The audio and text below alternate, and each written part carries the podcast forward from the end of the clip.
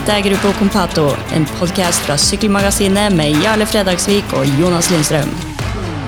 Det ble en lang sommerferie, en tidlig sommerferie på oss, Jarle. Jeg har ikke sånn ferie. Vi har vært borte i to måneder. Hva i alle dager har du holdt drevet med, da? Ja, den ferien, ja. Ja, Ja, ok. Ja, ja. ja For lytterne driter jo hva annet som skjer i livet vårt. Altså Hvis vi er borte i to måneder, så har vi hatt ferie.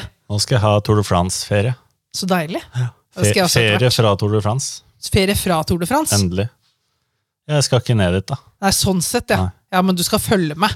Jeg følger jo med med et halvt øye mens jeg ligger og smådormer på sofaen. Ja, men eh, over to måneder siden vi var her sist. Det er litt for dårlig.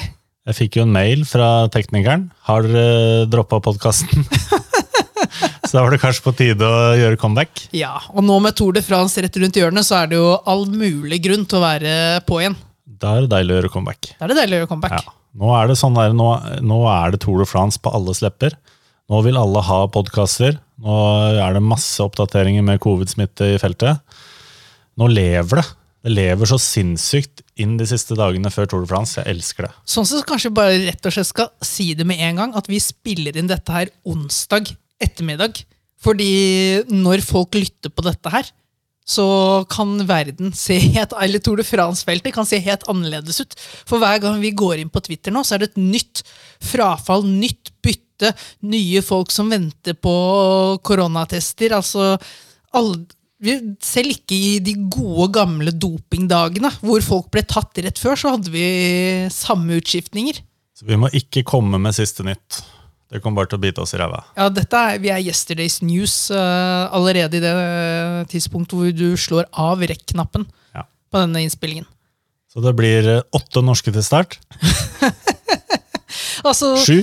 altså nå altså, Så lenge det moralen i, i, blant lageiere går såpass mye ned, jo lenger ned den synker, jo flere norske deltakere får vi. Altså Edvald Boasson Hagen kommer inn fordi Christian Rodriguez Nei, vi kan ikke referere til det, for det kan være utdatert. Det kan være utdatert, Ja. men foreløpig inn for Christian Rodriguez fordi han nektet å skrive på en ny kontraktsforlengelse før Tour de France startet. Han, han, han takket ikke nei engang, han bare spurte om litt mer betenkningstid. Uh, fikk beskjed du får ikke være med. Uh, litt det samme her med Quentin Hermans, bare at han har vel allerede sagt ja til eh, Alpezin, ryktes det om. Røk ut. Sven Erik Bystrøm kommer inn. Så vi, vi har fått, hatt litt stang inn allerede før vi har startet Tour de France sånn på norske veiene. Men hvis du hadde vært ansatt i Deloitte, da, og så var du på vei videre til uh, Denoit, hadde du blitt sendt på regnskapsførermessa da? Altså, Hvis noen hadde sendt meg på regnskapsføringsmessa, så, så hadde det vært som en straff. Så det hadde de garantert gjort hvis de mislikte meg. Men, øh, ja, men jeg tror nok øh, sånn i arbeidslivet så er du mer De ser din øh, nytte til, til siste rest, mer enn at de skviser deg helt ut. Men det er klart du får ikke være med på sommerfesten som går to dager etter at du har sluttet. Det får du ikke. Du er helt på overgangsmarkedet, Altså, Jeg øh, bytter jo lag oftere enn Christian Rodriguez, i hvert fall. hvis det er lov å si. Hvis det er lov å si. uh, ja, men vi, kan, vi, kan vi ikke begynne med løypa, da, Jarla? For hvis vi begynner med løypa, den Altså, bank i bordet, det kan det ikke skje for mye med de siste to dagene. her, Så hvis vi begynner der, så må vi ha noe fast som lytterne våre kan forholde seg til, som er en realitet også etter at vi er ferdig med å snakke. Nå skal jeg referere til den danske podkasten til Vel Europa. Det ryktes at eh, Tour de France-starten er i Danmark. Stemmer Gjør det? det det? Gjør det det? Ja, det? Og det tror jeg blir en heidundrende fest. Eh, Ja. Når du har sett eh, danskene i fotballmesterskap, altså de elsker sine idrettshelter.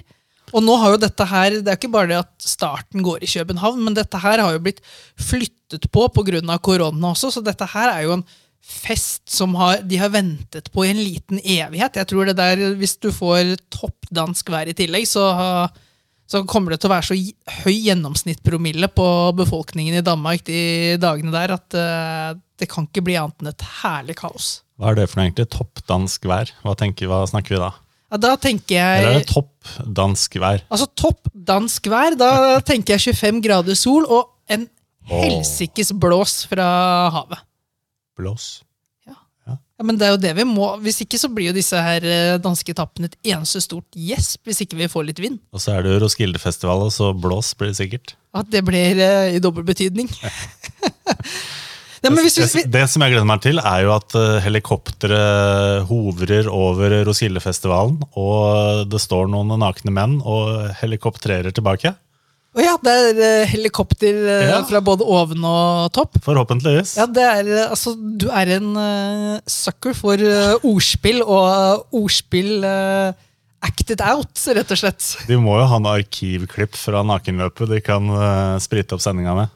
Ja, det er TV 2 har jo noen timer de skal fylle før de får lov til å sende direkte fra rittet på hver etappe, så det er godt mulig du kan spille inn eh, litt sånn Best of eh, Roskilde som oppvarming på disse danske etappene. Men de har jo med Magnus Drivenes som skal kjøre leiebil, så den underholdninga er jo ja, allerede. Ikke kjør helikopter, altså.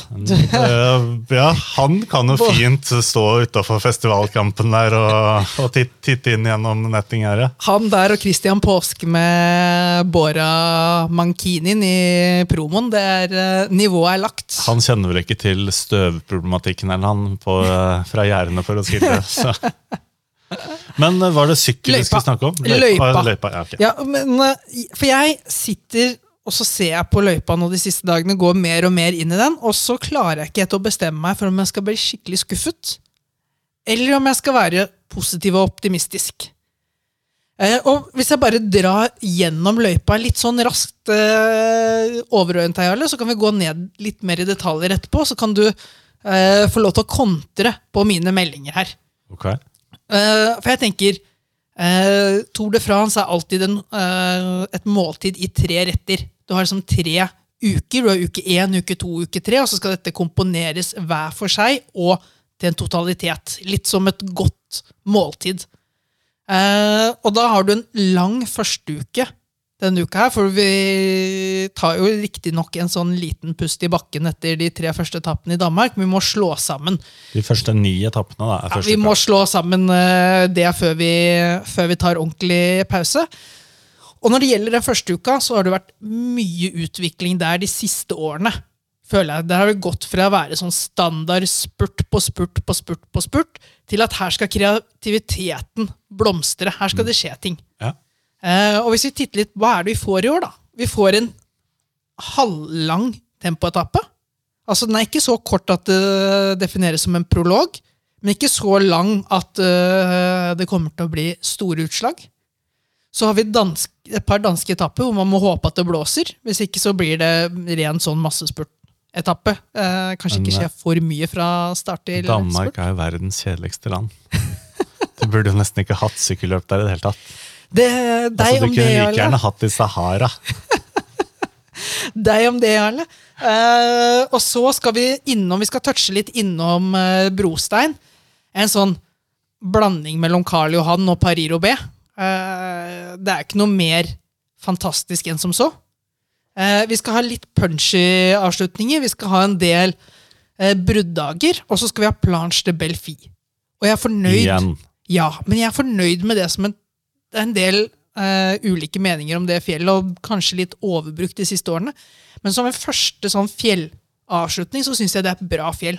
For det er tøft nok til å skape litt, eh, litt avstander, men så ligger det i et terreng som gjør at etappen i seg selv ikke blir så stor at vi Jens, eh, ender opp med å stå der på toppen av Planche Belfi og egentlig kunne dele ut Tour de France-seieren til noen ryttere allerede. Det er super planche de Belfi, da.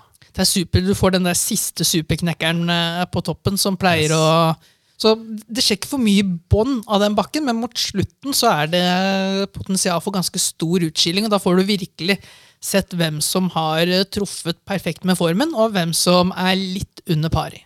Og nå var jo du egentlig negativ til første uke. Jeg syns den er eh, godt komponert. Altså, jeg syns førsteuka er ikke så potent at den kan selges som Viagra, men jeg ser samtidig kreativitet og eh, litt grann variasjon. Så av, av hele Tour de France, hvis vi liksom tar disse tre delene, første uka, andre uka, tredje uka, så syns jeg nok at første uka er der de har truffet best.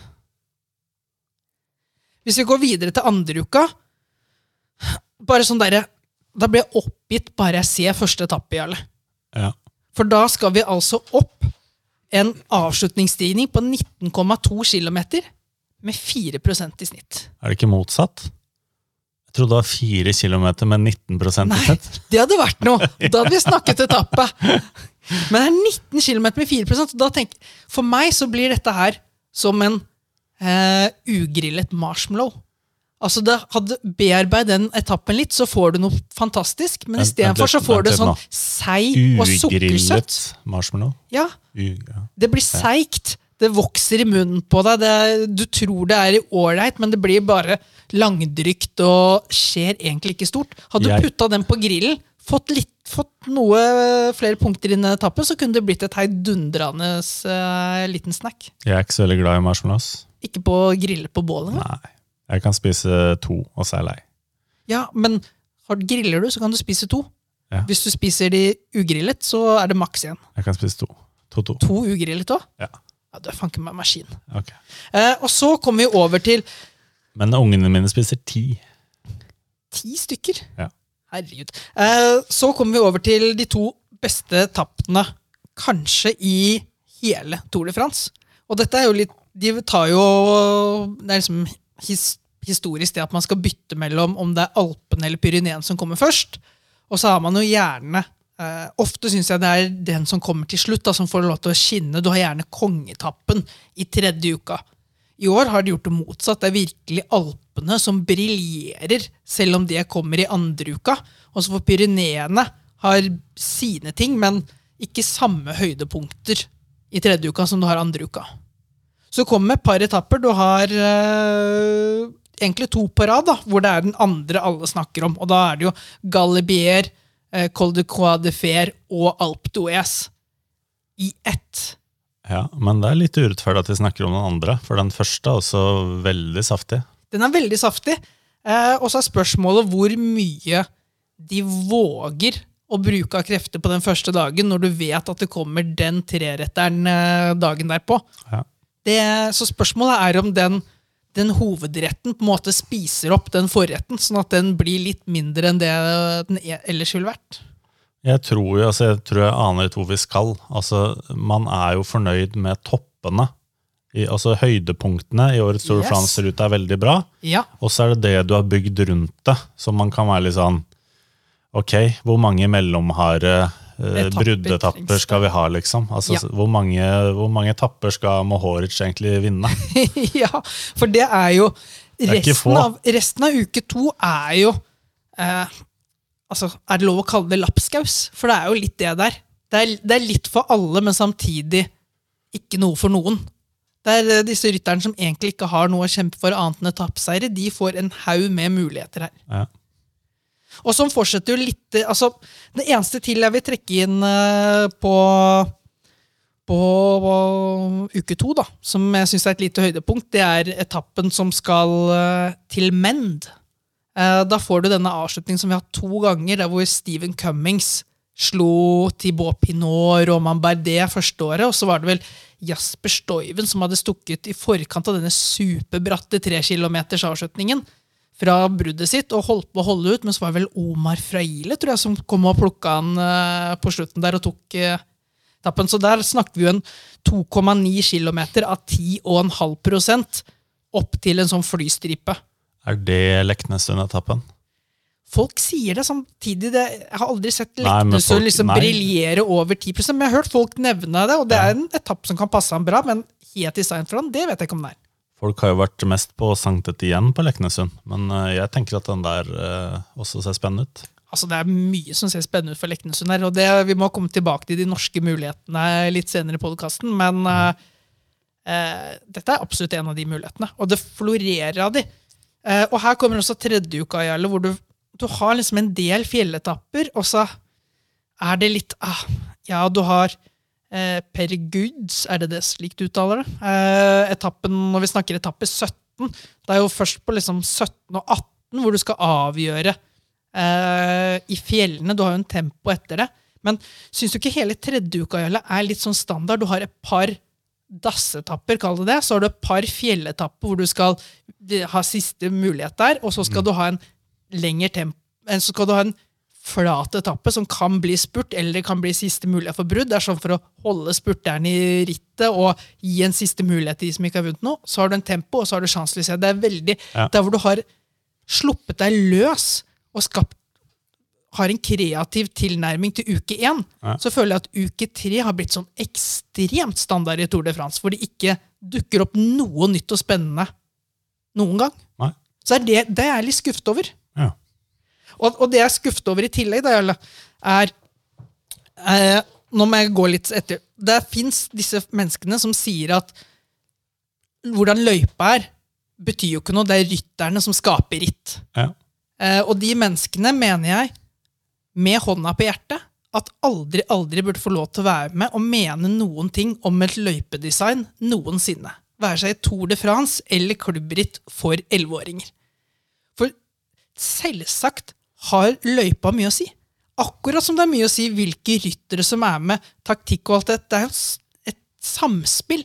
Men hvis du sier at ikke løypeprofilen er et rammeverk for hva, hva disse kunstnerne kan produsere, så skjønner jeg ingen verdens ting. Det er så idiotisk. Men du er ikke enig i at det er rytterne som bestemmer hvor hardt det blir kjørt?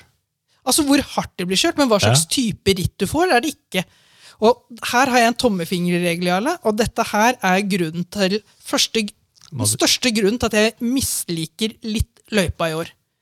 Min tommefingerregel, og det fins selvsagt unntak, er at siste del av eh, en etappe er det som avgjør hvilke differanser vi får. Første del av etappen er det som avgjør hva slags type ritt eller etappe man får. Og hvis du ser på etappeprofilen i år, så har du kun denne Alp Duez-etappen, hvor du har fjell tidlig eh, på etappene, hvor du har fjellmålgang også.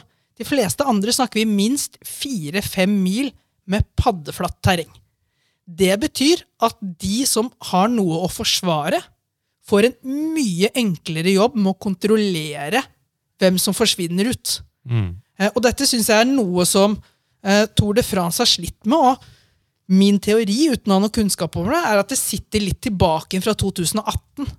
Det var det året Alexander Kristoff vant på Champs-Élysées, Ja. hvor rittet nesten var eh, flådd nakent for eh, spurtere på slutten. Ja. Fordi det røk den ene etter den andre på tidslimit og eh, DNF underveis på etapper som var steinharde fra start. Og da tenker jeg, hvis det er grunnen til at man legger flate innledninger, at man skal få spurteren gjennom, da må man jo mye heller se på en mulighet til å nyansere disse tidslimit-reglene. For nå kommer vi inn i en tredje uke hvor noen leder rittet. Og grunnen til at du leder Tour de France etter to uker, er stort sett fordi du er fysisk bedre enn dine konkurrenter. Du har klatra bedre, du har klart deg bedre sidevind, etc. etc. Så kommer vi til tredje uke, da. Og hva, er, hva slags taktiske knep er det som ligger igjen? Altså Så lenge du har fire-fem mil med flatt terreng i starten, så betyr det egentlig bare at den eneste taktikken utfordrerne har, er jo å kjøre hardere når det først kommer fjell, og håpe at lederen plutselig ikke er så god som han var de første to ukene. At din kaptein plutselig har blitt noen prosent bedre enn han som leder rittet, kontra motsatt. Og det er jo eh, Hvem er det som sa at eh, gjør, hvis du gjør eh, det samme og forventer et ulikt resultat, Ja. det er på en måte definisjonen på sinnssykhet. Eh, og det er jo på en måte det jeg føler Tour de France-ledelsen er her. Da. Det er litt sånn sinnssykt å tro at vi skal få store utslag i sammendraget i uke tre, når du ikke gir mulighet for å skape kaos tidlig på etappen og skape et taktisk spill utover det og bare gjøre det så fysisk krevende som det går an på de fjelltappene som er.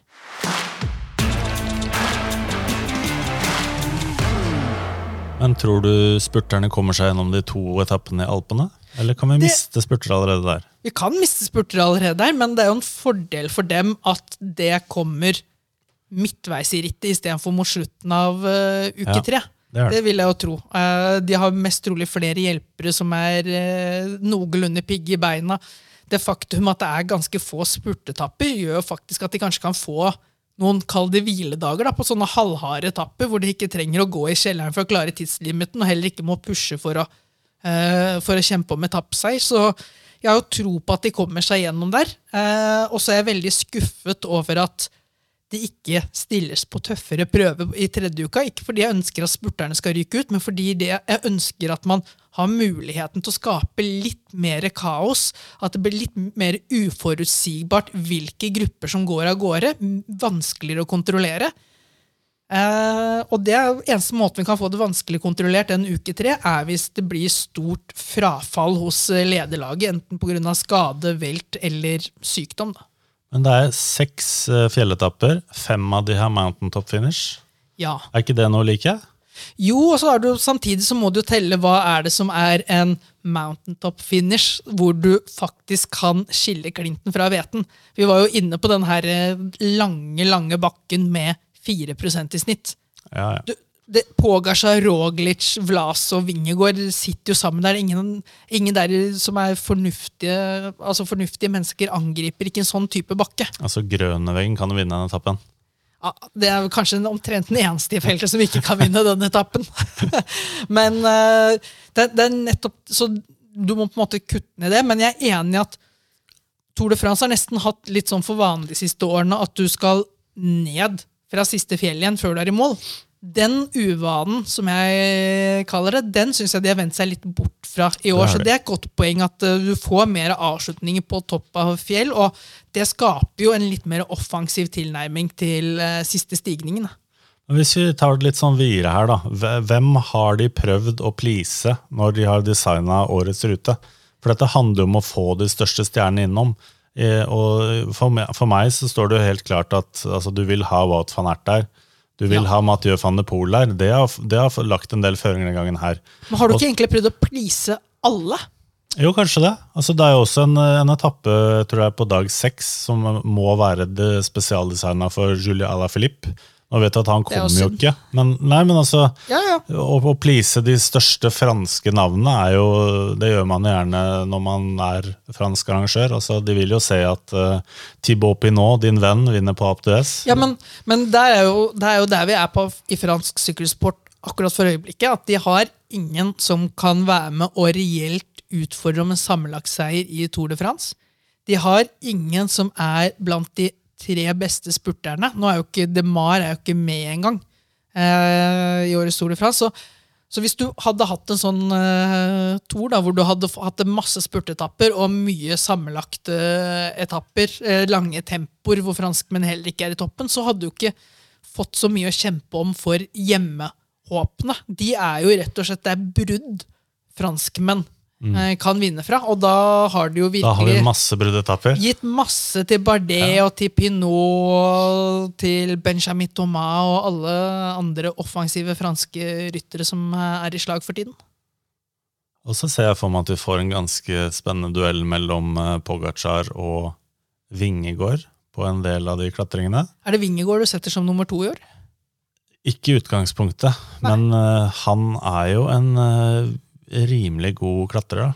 Så jeg er litt spent på altså, Drømmescenarioet for Jumbo Visma må jo være om de på en eller annen måte skulle klare å isolere Pogacar, og at de kan begynne å gå ja, men da, annenhver gang. Men altså, det det de, å si det er jo én ting, og få det til er noe annet. Det er noe annet, og med, I disse løypene også, da, hvor skal de gjøre det? og hvor, altså, Hvis du skal isolere en annen rytter, så må du gjøre det såpass ja. tidlig at du kan utnytte overtallet. Altså, det hjelper ikke å isolere Pogasjar med fem kilometer igjen i en motbakkeavslutning, for da er det på en måte mann mot mann, selv om du er to mot én. Mm. Det er begrenset hvor mye du sparer på å ligge i slipstreamen ved at han ene støter og du, han andre følger etter. Jeg prøver å, holde, å stå imot denne Vingegård... Uh bølgen. Jeg skjønner at alle i Danmark vil at han skal få full frihet, og at han ikke skal liksom måtte kjøre for Roglic, men sånn som jeg vurderer, så det sikreste kortet på starten av de to er Roglic. Ja. Men hvis Vingegård skulle vise seg som en mye bedre klatrer, for eksempel, så må jo han på et eller annet punkt få lov til å, å i hvert fall sette Pogacar under press, og så se om klarer vi å knekke han sammen. Ja. Så, så, men eh, jeg orker ikke å, å si nå at uh, slipp Vingegård fri. og så Nå får vi se hvordan det her går. Ja, og, altså, vi, vi og det, det, er jo det som er så, så deilig med Tour de France. Også, at Man kan snakke så mye om dette her i forkant, og så plutselig så sprekker det opp i vinden eh, på andre etappe, og noen misser eh, misser førstegruppa, noen går ned i velt. Altså, det å ha spesielt da, i et år som i år, hvor det kommer en ny koronabølge inn i feltet som man er mindre forberedt på enn de siste årene. Altså, du har, samfunnet er ikke like nedstengt eh, som det har vært tidligere. Så det sprer seg jo nå. Det er faktisk større reell fare for at folk forsvinner ut av rittet med korona nå enn det har vært de to foregående årene. Eh, så hvis det er noe år du skulle komme inn med mer enn en plan A, så må vel dette her være et av de beste årene å ha en plan B og en plan C. Jeg husker jeg lagde en sånn uh, Tour de France preview sammen med Sigurd Sollien en gang. Det var foran, var det ikke 2017, da, hvor de starta i Düsseldorf. Har du byttet ut meg med Sigurd Sollien? Ser du da. på det som en oppgradering eller en nedgradering at eh, jeg har kommet inn for han? Det er nedgradering. Ja, Det, det skjønte jeg egentlig. Jeg burde ikke stille spørsmål. Det var ledende spørsmål. Veldig. Jeg tror det var 2017 når de starta Düsseldorf, for da skulle jeg være litt fancy. da, Så da hadde jeg jo Alejandro Valverde som et av eh, forhåndstipsa mine, som kunne gjøre det bra i sammendraget. Så har han jo kjørt sånn ca. sju svinger av tempoen da, før han ligger i bakken og er DNF. Og du føler deg som den fødte ekspert. Jeg føler meg brukt. Ja, men Det er nettopp det å komme inn, og vet du hvem jeg tror eh, blir den største utfordreren til eh, i år? Ben O'Connor. Altså, Du kan le av det, men han har vært god. Men han har ikke det toppnivået som gjør at han blir den største utfordreren. Jeg tror Alexander Vlasov. Jeg. Oh, hvis du hadde sagt Joanne Thomas nå, så hadde jeg blitt så sint inni meg. Ja, men eh, Du slipper det. For Alexander Vlasov er et mye bedre tips. Men hopper vi litt i rekkefølgen her nå, eller er det bare free flow og impro? Jo, men nå har vi jo vi har, Jeg tenkte vi, vi snubla jo inn i å snakke om sammenlagtseieren. Ja, Eh, og vi skulle jo egentlig snuble inn i å snakke om Tour-manager. Ja Men disse, disse tingene går jo litt inn i hverandre, for det er jo et evig Det er jo det du gjør på Tour-manager, er jo det du gjør når du driver og snakker om favoritter i spurtene og klatring. og sånt, Det er å sette folk opp mot hverandre og vurdere er, hvem gjør det best av den og den personen. Og så i Tour-manager så får du et sånt budsjettak hengende over deg, som gjør at du må ta noen tøffe valg. Du blir tvunget til ikke å velge pose og sekk.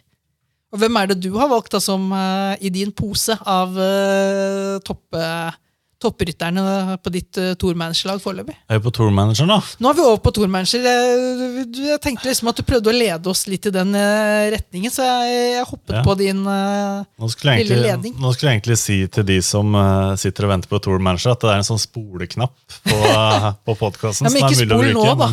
Nei, nå er det dumt å spole, for nå, nå starter vi jo. Nei, også Foran hvert år med Tour de France-manager så ringer jeg deg. Så får jeg litt sånn eh, kurs av deg, og så prøver jeg å sette meg inn i, i spillet og, og og skjønne hva det er som gjelder. Så det jeg har fått beskjed om nå, er at uh, av disse toppene så må du bruke mye penger på hvert fall, eller på, helst på tre av fire plasser. Da tenker vi kapteiner og spurtere. Yes. Det er de to kategoriene hvor du har de største navnene.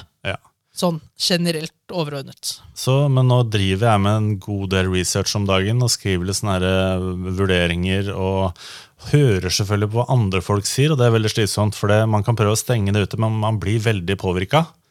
Og det, Jeg har nå Fabio Jacobsen inne som en av spurterne mine, sammen med Wout van Ert, som resten av ligaen har. 83% har Wout van Aert eh, per nå, og så han blir. Og så har jeg Pogacar, og så har jeg gått lavt på den andre kapteinen, som vi kanskje kan ta etterpå. Ja. Eh, Men nå begynner jeg å tenke altså, Skal jeg ha Jacobsen? Hvor lenge skal han i så fall stå der? Skal han stå der i hvert fall til og med tredjeetappen, som ser ut som en ganske sånn plain massespurt i, i Sønderborg, og så skal han ut? Eller eh, kan man gå for en eh, lavbudsjettsløsning à la Mats, Pedersen og skuffe inn vel så mye poeng? Altså da Avhengig av om det blir sidevind, kaos i feltet. Og nå er det jo veldig mange som snakker opp Mats Pedersen. Han sier at den eneste som kan utfordre Wout van Ert, er Mats Pedersen. Og jeg liker jo fyren. Jeg er jo svak for Mats Pedersen. Og hver gang jeg sier noe til ham, bare ja, Hvor god er Mats Pedersen egentlig? Ja? Hvor mye har han vunnet i World Tour egentlig? Så ja. Det er, eh, et, det er en evig dragkamp, og Tour de France er jo, det er jo årets største mindfuck. Eh, du blir dratt i alle retninger, og det var vel det jeg sa til deg også, Jarl, da vi begynte å diskutere dette, at det dummeste du kan gjøre, er jo å havne i toppsjiktet. Jeg har jo klart å, jeg har klart å rote meg bort i toppsjiktet ett år. Og det ødelegger jo hele sommeren. Du tenker ikke på noe annet. Det er eh, tidenes snikskryt, men det er også en advarsel til folk der ute. Vær litt eh, forsiktig med hva dere ønsker dere, for eh, du blir tre uker hvor du setter spørsmålstegn ved alle avgjørelser du tar.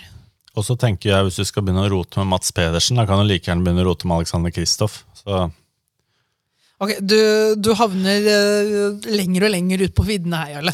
Skal vi, skal vi først begynne å sette noen La oss uh, sette noen litt sånn kjøreregler, da.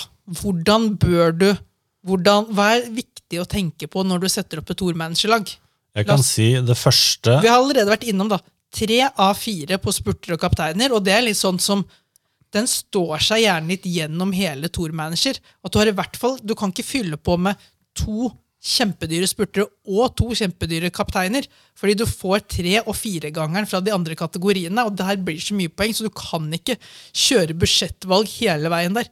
Så hvis du no, på noe tidspunkt står med to av de dyreste spurterne og to av de dyreste kapteinene, da tror jeg faktisk du er i kjempetrøbbel. Da tror jeg laget ditt som helhet eh, er fryktelig svakt.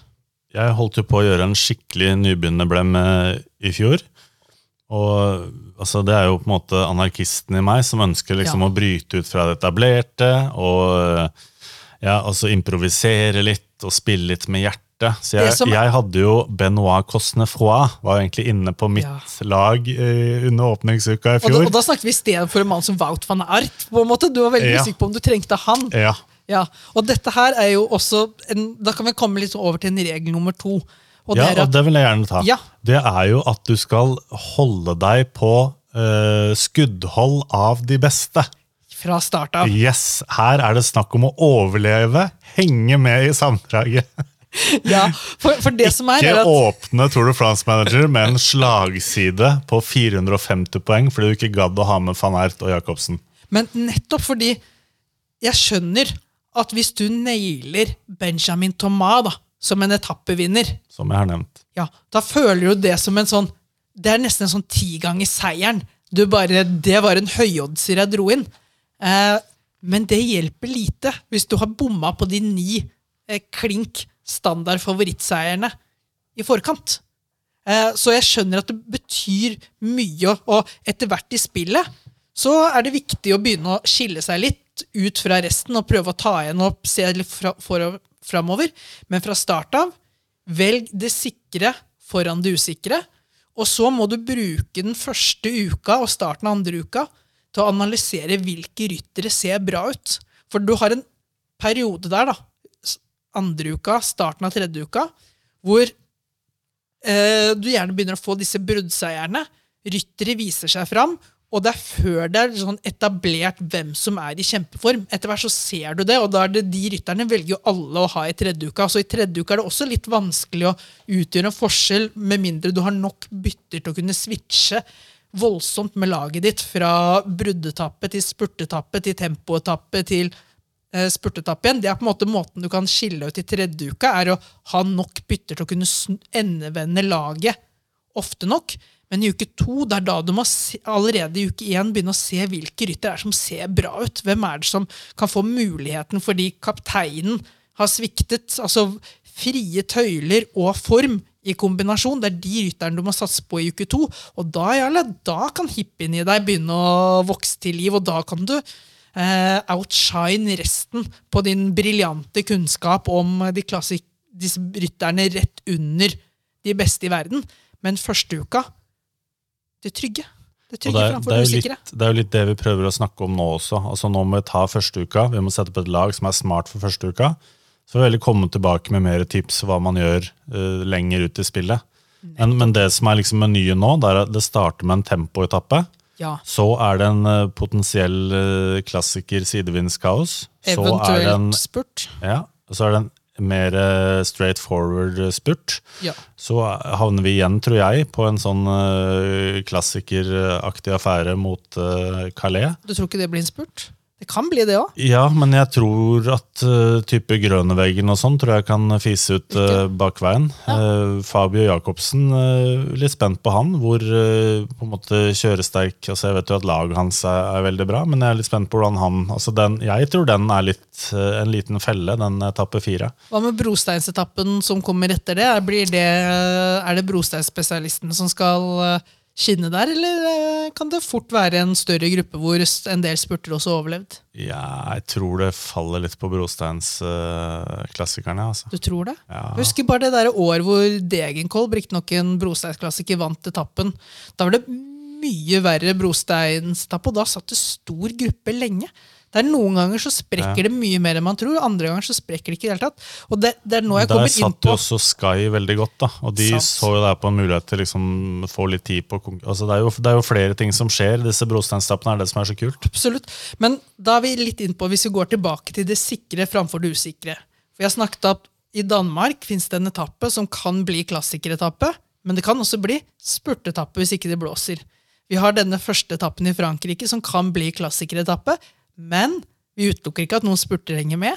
Vi er på Brosteinen, hvor det er klassikeretappe kanskje i utgangspunktet, men heller ikke da utelukker at noen spurter henger med. Så det er klart at hvis du velger å bygge et lag ene og alene basert på at det blir masse spurter der, eller ene og alene på at det blir klassikerryttere, da har du jo ikke spilt safe. Så kanskje det er lurt da, å ha, ha inn en van de Pool og en uh, van Art, og kanskje du finner en eller annen klassikerrytter uh, til. I tillegg til at du kanskje matcher det med en Jacobsen, Ewan, Groneveken, uh, et eller annet som er der for en sikkerhet hvis det blir masse spurter. Så du spiller litt to hester i starten fordi, det ikke, du, fordi du ikke om å gjøre å vinne fra start, men å henge med. Og en litt sånn ukjent faktor i spillet her. Det er dumt å si ukjent, men Mathieu van der Poel er jo med. Uh, han kommer til å kjøre like there's no tomorrow. Uh, sånn kommer han til å angripe hver eneste etappe. Så er det snakk om en sånn liten slags todeling mellom Jasper Philipsen og Mathieu van der Poel. Men altså, når det er blod i nesa til van der Poel, hvis det er et uttrykk, så da er det rock'n'roll. Så, og han kan jo potensielt gå for gul trøye, enten på åpningsdagen eller på dag to eller på dag tre. Eh, så han tror jeg, altså Det blir alltid sirkus rundt han, og det her er ikke noe unntak. og Da får du også den der duellen hans med van Ert, som selvfølgelig ASO ønsker seg. Eh, begge to skal med på laget, sier seg selv. Eh, og de, altså Våger du å ta ut van de Poel fra laget ditt før han eventuelt forlater hele Tour de France? Nei. Det var riktig svar. Veldig bra, Helle. Du har lært litt. Han skal være det. Eh, så er det også dette her med at du innimellom så det, Dette er jo det jeg liker. Jeg kommer fra matematikerfamilie. Innimellom så må du sette deg ned, og så må du regne ut. Fordi enkelte ting kan bety mer enn du klarer å forestille deg. Jeg har tatt ett eksempel som utgangspunkt. Vi starter med tempoen, Jarle. Hvem tror du vinner den tempoen? Filippo Ganna. Ja, Det tror jeg de fleste tror. Så la oss ta utgangspunkt i det. Filippo Ganna er den dyreste temporytteren på spillet. Så si at du, du, begynner å se litt over mot Stefan King, da. For det, det er en eh, rytter som du kan Da sparer du litt penger, får mulighet til å investere i andre posisjoner, og så tenker du at Stefan King kan jo gjøre det særdeles bra. Eh, det er ikke sikkert at han kommer mer enn et par plasseringer bak Filippo Ganna på tempoen. Og hvor mye poeng utgjør egentlig det? I tillegg kan han være bra på brosteinsetappen. Nettopp. Så da tenkte jeg, da skal jeg bare dra regnestykket for deg. Skal du nå si til meg at jeg må ha en Ganna? Ja, men hør, hør nå, Jarle. Hør nå. Ok, du tror at Filippo Ganna vinner. Hvis du tror at Stefan King blir nummer to, hvor mange poeng forskjell tror du det er mellom de to valgene på tempoen da? 40. Svaret er at i ren plassering så er det 60 poeng. Men i tillegg så vil Filippo Ganna ta den gule trøya. King får ingen trøye. Så det er ytterligere 60 poeng. Så det er 120 poengs forskjell mellom de to valgene hvis de blir én og to. Hvis du i tillegg har Luke Roe og sportsdirektør fra Ineos Så baller det på seg med ekstra poeng. Men hvis Stefan King blir nummer tre, da, og Filippo Ganna vinner, da er det 180 poengs forskjell mellom de to. Det er nesten, det er nesten så mye poeng som eh, Fabio Jacobsen får hvis han vinner etappe nummer to. Så forskjellen på første- og tredjeplass på tempoen er eh, like stor som etappeseier og en spurter som velter ut på etappe nummer to fra Ja. spurtkategorien. Hvis, si at eh, Stefan King blir nummer fire, da, Jarle. For det har jo hendt en gang eller to tidligere Ja, ja, ja. i Kings karriere. Da er det 210 poengs forskjell mellom første- og fjerdeplass på den tempoen. Du har hånda i været. Snakk. Hvor mange poeng får Mathieu van der Poel hvis han vinner åpningstempoen? Da snakker vi 400 for etappeseier, pluss 80 poeng for uh, gul trøye. Så har vi 480 poeng. Ok. Og det, Da begynner du å komme langt bak, hvis ikke du har de 480 poengene. Så hvis Pogacar får gul trøye, så får han 40 poeng? Da får han 20 poeng. 20 han, poeng. han, okay. Det er 10 eh, Unnskyld, nå, det er 20 poeng, så han får det ganger to. Han får 40. Ja. Så dette er det med å gange med to, gange med tre og gange med fire. Eh, og på tempoen da, så er det jo dette her det her med trøyer er noe jeg ikke ser altfor mye på. I hvert fall ikke etter første uka, for det er ikke noe sånn at du får poeng hvis rytteren beholder trøya. Det er bare når noen nye overtar trøya. Og Det kan være litt vanskelig å, å se når det skal skje. Men det som er veldig greit å vite, på tempoetappen som begynner, da skal det deles ut Det er maks to stykker som får en trøye. Hvis vinneren av etappen også tilhører ungdomskategorien, så får vedkommende alle trøyene. Du får bare poeng på én av de, men da er det ingen andre ryttere som får poeng for den. Hvis det er en som ikke er i ungdomskonkurransen, så vil jo en av disse som er unge nok, hente den. En Stefan Bissegger, for eksempel. Så Som, da, som det, da får poeng. da blir det 80 poeng for Stefan Bissegger bare på å plukke den hvite trøya. Så det er greit å ha de tingene, eh, kontroll på de tingene. Og der er også en annen ting som vi skal komme litt tilbake på når vi kommer på hjelperyttere. Men det er også disse innlagte spurtene. Det blir ikke fryktelig mye poeng for de som er i spurtkategorien, som bare får disse poengene ganget med to. Men mange av de opptrekkerne som er med, som ender med topplasseringer i disse innlagte spurtene, nettopp fordi at det er så få spurtere som går for de, så det er egentlig bare tre-fire spurtere, og så kommer opptrekkerne deres rett bak. De får disse poengene ganget med fire. Her er det mye poeng å hente. Det er litt deilig med Tour de France Manager å gå inn og få bekreftelsen og se på ja, se, jeg har jo, jeg har jo mørke, og se her, nå har han fått 60 poeng, og er så deilig. Jeg visste at det Ja, Klokker inn. ja. ja. Ja, så, så da har vi på en måte da har vi etablert eh, det sikre over det usikre fra start av. Henge med. Vi har etablert at du på knapt noe tidspunkt under Tour de France bør stå med to dyre kapteiner og to dyre spurtere. Og dette her er et sted hvor jeg bru- Altså her snakker jeg Dette er budsjettposisjoner på min, eh, mitt hode, så det her er snakk om enten å ha en av de dyreste eller ha den billigste. Ja. Eh, altså, når eh, spurten er ferdig og jeg skal ha ut Jacobsen, da skal den billigste mannen inn når vi kommer til fjellene. Og så kan det tips, siden du nå refererte til poengene og utregninger. Det er lurt å lese reglementet. Veldig. Ellers, ellers. Og det, det blir jo masse poeng når du kommer. Og så er det sånn uh, kan du begynne å snakke mye om men Jonas, disse her poengene for trøyene og sånt i starten. Det er fryktelig lite sammenlignet når du begynner med å komme på disse år-kategori- og førstekategoriklatringene. Og ja, det er det. Men det er mye, mye, mye enklere å ha en formening om hvem som skal vinne og bli nummer to på åpningstempoen, enn hvem som er nummer én og to over første år-kategori. Så du må se både poengpotensialet, men også hva er low hanging fruit her, da? Hvor lett er det å få tak i disse poengene? Det å klare å treffe på trøyefolkene i starten, det er kanskje mye lettere. Hvem er som er med og trekker opp spurtene på de innlagte spurtene? Det er lettere å eh, mene noe om og få rett på enn hvem som havner i brudd på de første fjelletappene. Så start med å hente disse lettvinte poengene i starten, og så så er det begynne å prøve seg fram når fjellene kommer. ja.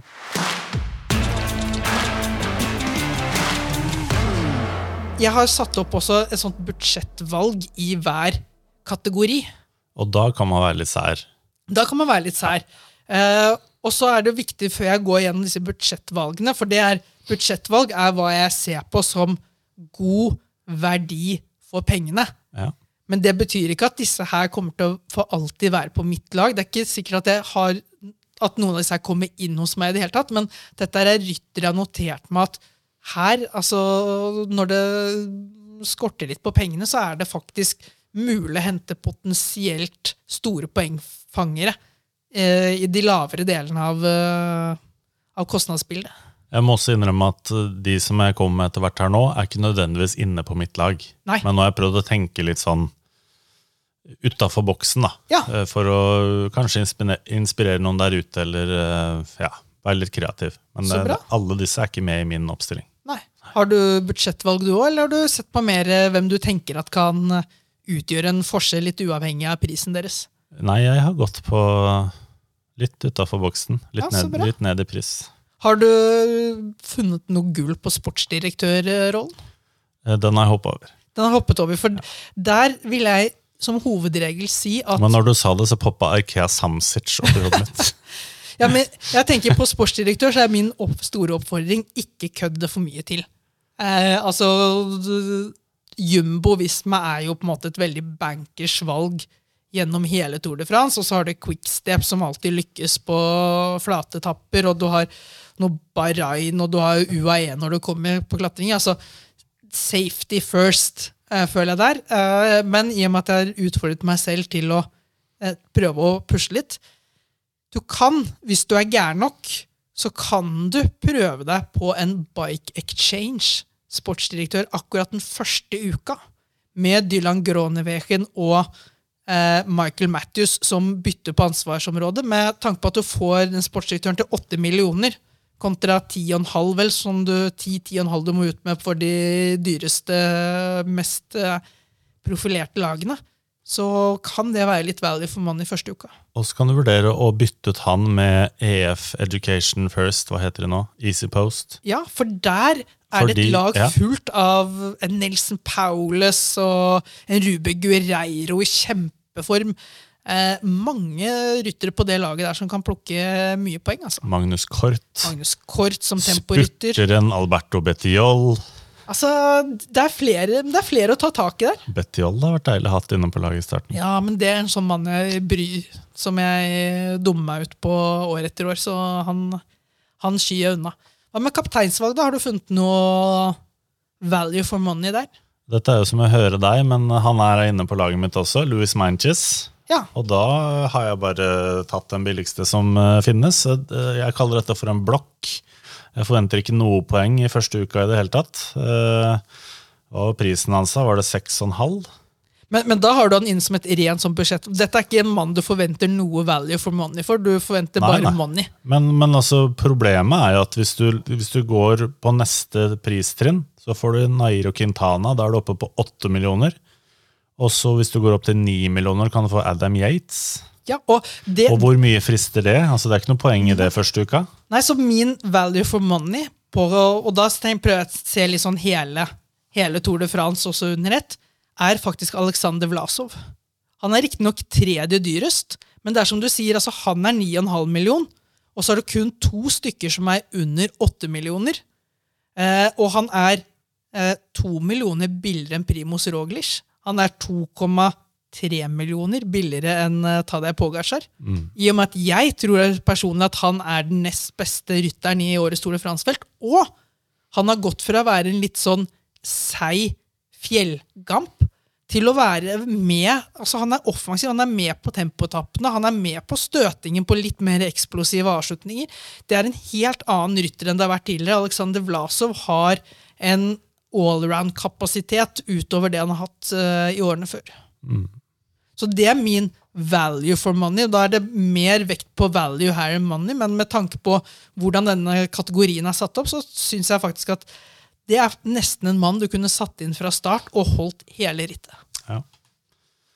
Nei, Den er fin, den. Eh, Ikke nødvendigvis første uke, men altså sett under ett. Så Ja. hvorfor, hvorfor ikke bare få den inn allerede nå? Jeg tenker jo litt sammen med her. Jeg vil heller bare få den inn, og så Ja, og- slipper, slipper jeg å tenke på Og det. det er det jeg også tenker, men hvis ikke du har råd til Pogacar, for det Ja. kan være vanskelig å trikse til fra start, så er ikke Alexander Vlasov et uh, kjempedumt uh, andrevalg. For har du ikke råd til Pogacar, så har du mest trolig ikke råd til Roglic heller. Skal jeg ta spurt? Ja, hvem On har du budget? der? Den er litt morsom, syns jeg. Danny Ja. van Poppel. Har du da, hva er det du holder på med, Jarle? Hvorfor kan jeg ikke holde på med det?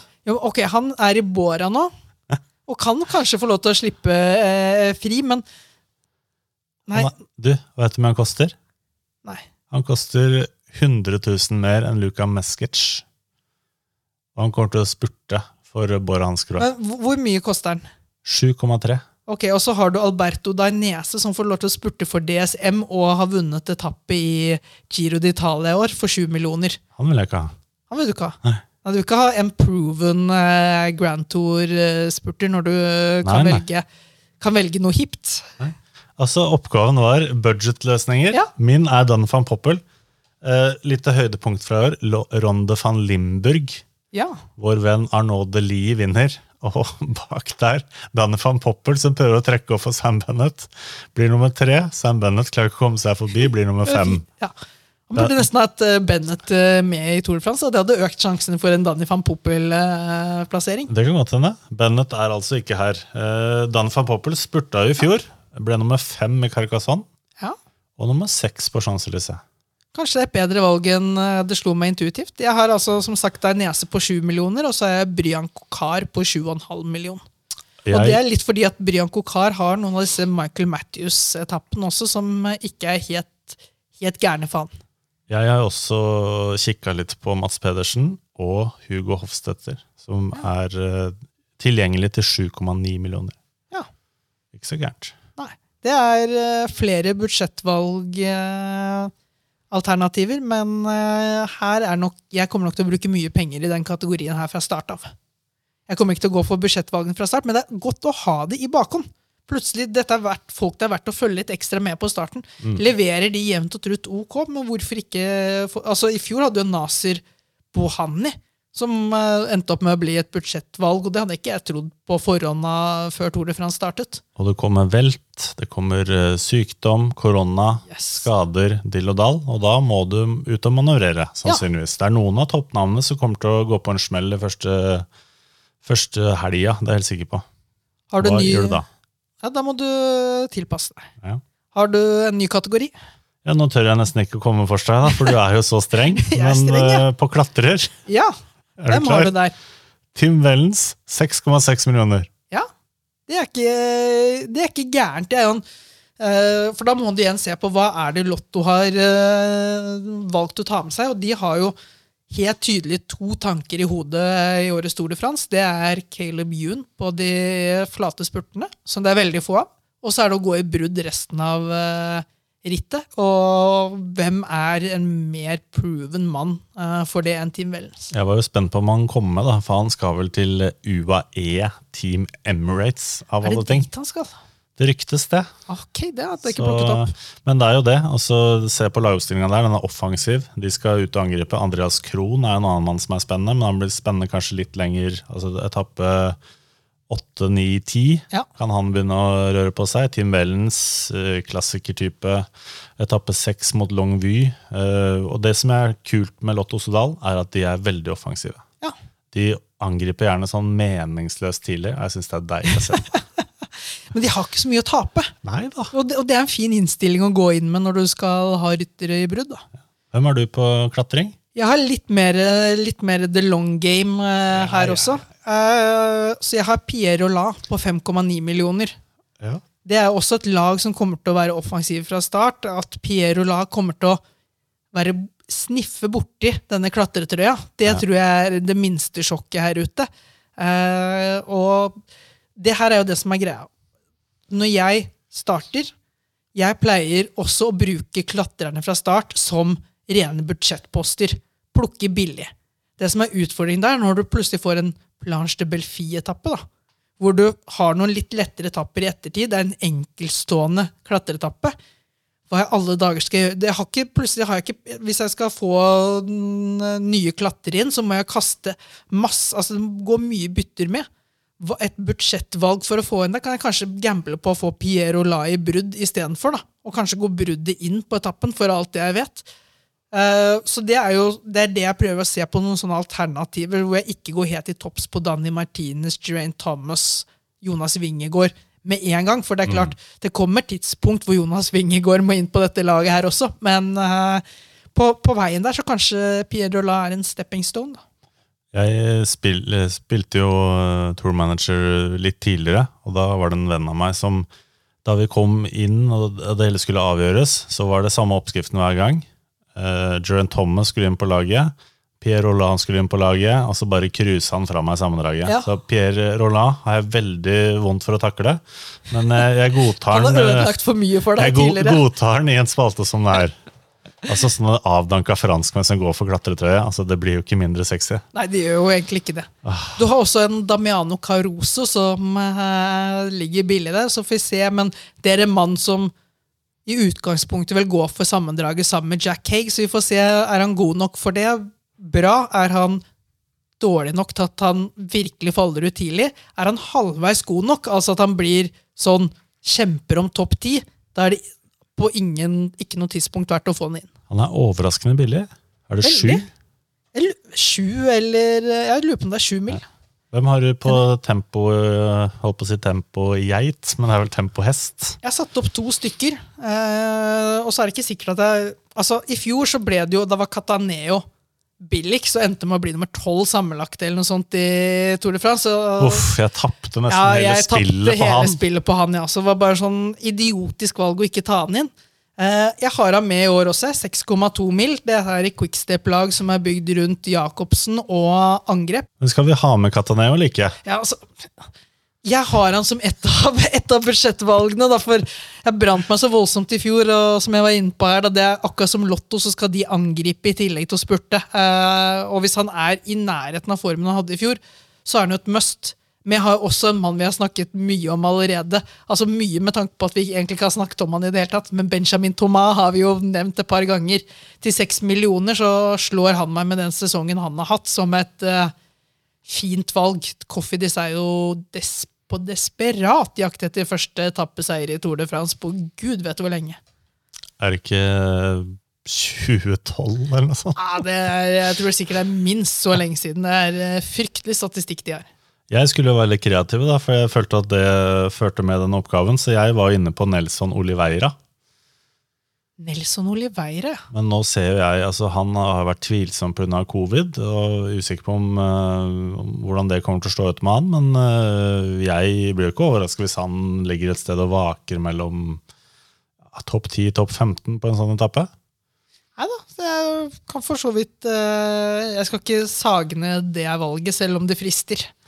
Ellers så en annen som man kan vurdere i åpningsuka, er jo Eaton Hater. Han står vel også som temporytter, ikke det? Nei, Han sto som ungdomshytter, han er ikke tatt ut til Tour de France heller. så jeg ville styrt. Ah, da Altså, Det var mannen som nesten ødela alt for meg, for han måtte Ja. jeg prøve å presse plass til på ungdomshytteren, fordi jeg hadde kjempetro på han på åpningstempoen. Men eh, da Injos ikke tok han ut, så lettet de min hverdag ja. betraktelig. Eh, men da har vi vært gjennom alt unntatt ungdomsrytter og hjelper, da. ja. Og hva har du på Altså På ungdomsrytter så er det ett valg som bare blinker seg ut sånn soleklart i mine øyne. Ja, Det er Queen Simmons til 4,6 millioner. Ja, det er- Latterlig pris og Ja, en det er latterlig god rytter. pris. Ja, det, det er en klasserytter av de Altså, vi snakker Vi snakker nesten Hvis du snakker talent, og hvis, vi har pratet mye Pogacar, eh, vi snakker Evenepool, man snakker litt Sian Uitebrooks her en periode, liksom sånne Wonderkids, Mark Hirschi som dukket opp også. Quinn Simmons, mm, omtrent samme uh, ulla der. Har dominert i juniorklassen, tatt proffnivå med en eneste gang litt sånn uferdig taktisk sett, så han brenner jo krutt på alt og ingenting, som gjør at han ikke har fått så mye topplasseringer som han ellers kunne fått. Men er det ikke det som det er det, sånne ryttere som er perfekte i tourmanager? De som bare brenner av og går i brudd eh, i tide og utide og spurter for eh, alle klatrepoeng og alt som dukker opp underveis? Han tåler jo Evenepool-sammenligningen da, Ja, men det, for, for øvrig. Men han er jo sånn, du tenker jo at han er 30 år, helt til han åpner kjeften kanskje, eller setter seg Ja. ved tastaturet. Ja, det, det, er ikke, det er ikke det moralske toppunktet du har valgt i ditt lag, men hvis du går store deler av Tour Manager uten Queen Simmons på laget ditt, så tror jeg du risikerer å gå på en stjernesmell. Og du vet at jeg er glad i track. Og jeg, er, jeg, er spent Ja. på åpningsuka der. Mats Pedersen, eh, Jasper Stoiven, Queen Simmons. Jasper Stoiven er han mannen jeg alltid brenner meg på i Tror Tour det kan bli gøy. Det kan bli artig. Ja, han har vel du aldri på laget, har du det? Eh, kun de etappene hvor han ikke gjør noe. Utelukkende. Han spurte jo som en geit, da, overraskende nok. Ja, men eh, jeg har ikke noe tro på han som spurter, egentlig. Men det er jo mange fine bruddetapper for en mann som eh, Jasper Philipsen. nå. Nei, eh, Jasper Stoiven. Vet du hvem som står oppført som vannbærer, som jeg liker å kalle det? Hvem da? Chris Froome. Frister det? Fall from grace. Frister det? Nei. Nei, du Hvem er det du som frister på vannbærer, da? Igjen så er jeg redd for å få hodet bitt Eller av. hjelperytterkategorien, da. Eh, Jeg måtte jo eh, leite litt for å finne det her, faktisk. Jeg fant meg Stan the Wolf. Det liker jeg. Hva, hva er prisen på han? Jeg har ikke vært så god til å notere meg de prisene, Nei, men, men eh, let mens jeg eh, preiker, ja. Eller for eh, han er sånn 4,5 eller Ja, men det er, sånn, det er mannen jeg liker godt. skjønner du. Det er derfor jeg ble nysgjerrig, for dette her er en fyr som har hatt en fantastisk sesong, og som er, når han er i slag, uh, god i brudd. Ikke bare til å komme seg i brudd, men også god til å få noe ut av bruddene. 4,3 millioner. Oi, jeg noterer det bak øret med en eneste gang. Og litt av bakgrunnen her, altså, som du sier, klassikertype, kjøresterk, regne. altså, De har jo et lag som er liksom delt mellom klassikere og Ben O'Connor, Ja. eh, vil jeg tro. De har ikke med seg Greg, Golden Greg. Som jo selvfølgelig har uh, fått masse oppmerksomhet og tidsbruk og ressursbruk rundt seg de siste åra. Og siste jeg leste før vi skrudde på, var at man ventet på en uh, koronatest på Bob Jungels eh, også, så det er litt usikkerhet, men det kan bli mye frie tøyler i det laget der. det er litt sånn aldershjem blitt, men de har jo også Men en Stan, del der er jo Stan de Wolf stikker seg ut positivt. I, Litt ungdommelig mot. Han, eh, Hva heter han eh, De har jo han Oliver Nasen òg, som eh, Ja, som som- virkelig har, har falt litt ned fra storhet de siste årene. føler. Hvem er det som sykler og sykler og aldri kommer til døra? Nei. Aldri kommer til Mål. Seierspallen. Ja. Det er fort gjort å vært Oliver Nasen de siste årene, det. Eller er det Stefan Marke? altså, Sepp Marke er ikke i nærheten av den pallen for øyeblikket.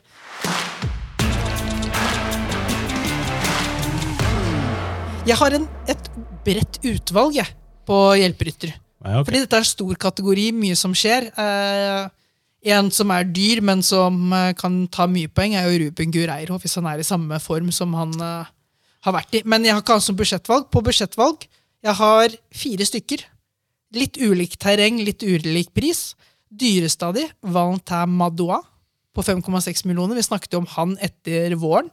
Hvis han er tilbake i samme form, så er han god i fjellene og veldig god i litt mer småkupert terreng. En bra mann å ha med seg. Ja. Jeg vet jo at du er veldig svak for Gropama Eftersjø. efter. Jeg må Ja. si at de har med et eh, ganske kult lag. De skal bare holde seg unna sammendraget. Bare ikke tro at Gody eller Pinot kan gjøre noe i sammendraget. Hvis de, hvis de holder forventningene på et eh, riktig nivå, så kan det bli et fantastisk kult lag. Nestemann, Jarle, Ja. en mann som jeg alltid også brenner meg på i Tour Manager, undervurderer. Da er vi innom trekk igjen. For fem millioner så får du Tom Scoins. Han er søt. han kommer seg alltid i noen brudd. Det er alltid to-tre etapper han plukker mye poeng, og så er han puck ubrukelig resten. Så du må jo treffe med timingen. Ja. Eh, og sånn sett er han ikke det sikre over det usikre, men da er jo når vi begynner å snakke starten av, slutten av uke én, starten av uke to, da. Eh, en mann å følge med på. Han vinner etappen i Carcassonne solo. Da er det sagt. En mann eh, som jeg nesten føler er et must-have fra start av, er Mikael Mørkøv. 4,6 millioner, trekker opp eh, Jacobsen. Vinner Jacobsen, så er det 40 poeng til uh, Mørkøv. Eh, noen ganger så gjør han så godt opptrekk at han selv blir topp 10 på etappen. Eh, er Jacobsen med og spurter på de første etappene, så er han plutselig med i kampen om grønn trøye, som gjør at han i hvert fall må spurte på de innlagte spurtene. Jeg har sett på hvor plasseringen av disse spurtene er underveis i rittet, og det ligger ofte på fjelletapper ligger de ofte tidlig. da. Det det. Før dette første fjellet, fordi første fjellet ikke kommer så tidlig. Eh, så det er en mann som kan plukke jevnt og trutt med poeng utover eh, hele rittet. Det betyr jo også at det er en lengre vei til grønn trøye for typer som Peter Sagan, Michael Matthews, og de vil i tillegg få besøk av uh, Wout van Aert ved noen Nettopp. anledninger hvis, hvis det ligger poeng og venter på de. Så der har de vært litt kjipe. Det har vært jeg. kjipe. Ja, Det kan vi også kritisere for. Det kan vi gjøre, absolutt. Siste mann jeg har på lista her, til kun 3,7 millioner. Oi, billig. En mann som alltid leverer. Det mest usexy valget du kan ha. Men hvert eneste år så sier jeg til meg selv, Jonas, denne rytteren her må du velge neste år. Antony Perez. Nettopp. Antony Perez, Cofidis. Alltid i storform i Tour de France. Alltid tidlig tidlig på'n og plukker litt klatrepoeng som gjør at han kjemper om klatretrøya noen dager. Eh, En av de rytterne som har flest kilometer i brudd nesten hver eneste Tour de France. Eh, har jeg fått plass til han på laget mitt fra start av? Absolutt ikke. Som vanlig, jeg kommer til å gå på den smellen. Hvis du ønsker å unngå å gå på samme smell som jeg gjør år etter år, så er Antony Peres et uh, veldig grei mann å ha i bakhodet. Altså. I tillegg skal jeg få inn uh, Victor Lafay Du skal det. Han, uh, varier, kupert terreng. han har variert litt mye prestasjon i det siste for at jeg har følt meg helt trygg på den, men uh, altså, snart har vi Snart har vi altså anbefalt hele Coffeedis-laget, og det sier noe om at uh, NB, NB, vi snakker disse spenstige valgene, uh, budsjettvalgene utover i rittet. Det er igjen ikke snakk om hvilke ryttere vi starter med. Da starter vi mer safe than sorry. Hvem er det som skal mest i brudd i starten? Det er selvfølgelig danske ryttere. Det er ryttere fra Cofidis. Det er ryttere fra Total Energies. De må vise seg. Ja, må det? De har jo ja, Peter Saga nå. Men du har B&B i hvert fall. De skal i hvert fall ja. på. Kanskje også øh, altså Det er jo noen lag som Jeg tipper er Ange Dessert slenger med en rytter her og der. Det er noen lag som er redde for å rykke ned fra World Tour også. Jeg ser på dere Israel Premier Tech, jeg ser på dere Lotto Sodal, jeg ser på dere Team Bike Exchange Jaco. Ja. Nå det må skje noe snart. Må skje noe snart. Samtidig, jeg tror jo Israel er veldig bygget rundt eh, at Woods og fuglesang skal gjøre noe i fjellene. Du Så du denne tappeseieren til Daryl Impey, eller?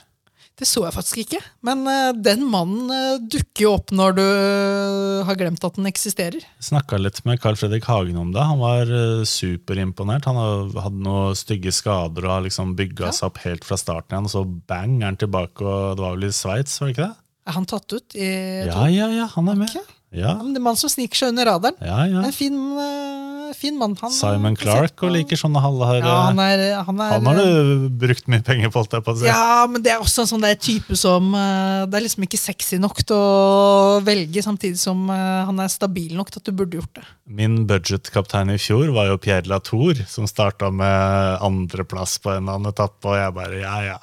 Du er klar for å, I know this. du er klar for å gå for han i år òg. Altså, Maintis kommer til å vinne i Robé med flaksen din. Altså, hvis Maintis vinner i Robé, da Hva skal du gjøre da, Jonas? Hva skal du gjøre da? da skal jeg faktisk slutte å se på Tour de France. Okay. Resten av årets utgave. Ok, men uh, begynner vi å runde av Tour Manager, for vi har jo snakket om at vi må innom med noen podkast her på hviledagene framover, så vi får vel plukke opp, uh, plukke opp uh, tråden igjen da.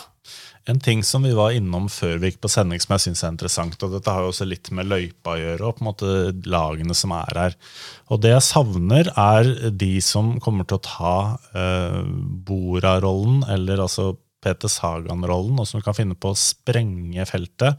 Prøve å kjøre av altså Jacobsen eller Groneveggen. Eller hvem- hvem, tenker du at kommer til å, å gjøre litt uventa, da, med tanke Gjøre på en kollektiv styrke? om til en Jeg tenker jo i stort og smått så har du egentlig fått veldig hjelp av løypeprofilen her, da. For det er veldig få etapper i seg selv som er ser ut til å være spurtetapper, men jeg tror jo hvis noen skal gjøre jobben, så Total Energi med Pet, nettopp Peter Sagan Ja, kan jo faktisk finne på å gjøre litt av det. De har jo Spennende. typer eh, for det.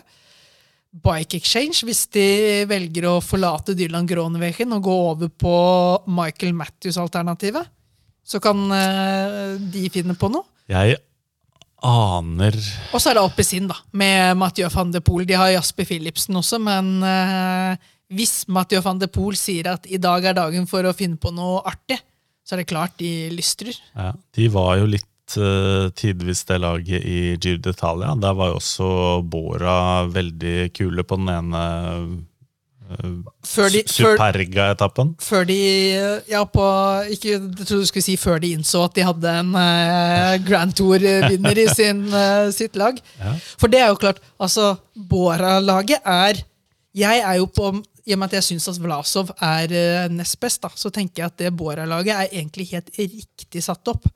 Samtidig så kan du tenke deg de kunne hatt Bennett, de kunne hatt Higita.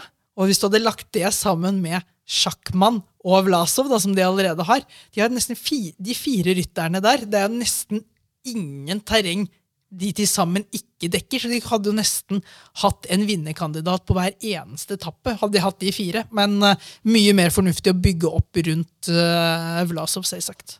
Du likte jo ikke at jeg hadde med Danny van Poppel. Eh, ser du på en måte behovet deres for å ha med en van Poppel og en eh, Marco Halle, eller, eller Ja. er det liksom beskytte øyet med og Det er uh, ryttere for eh, sidevind, og det er ryttere for alle disse Igjen disse lange lange strekkene før fjellen. Da. Altså, det, kan være, si at Pogasjar velter ut, eller sånt. det kan være at Bora sitter med gul trøye når de kommer i uke to og uke tre, og da har Marco Haller og Danny van Poppel så rutinerte mennesker eh, som både har litt sånn road captain-mentalitet og rå power på flaten, og så legger du på Nils Pollitt da, som uh, nummer tre i det eh, Ja, toget der. Det er, det er ingen som slipper eh, ut fra hovedfeltet på flaten uten å få go og dispensasjon fra de tre der, altså.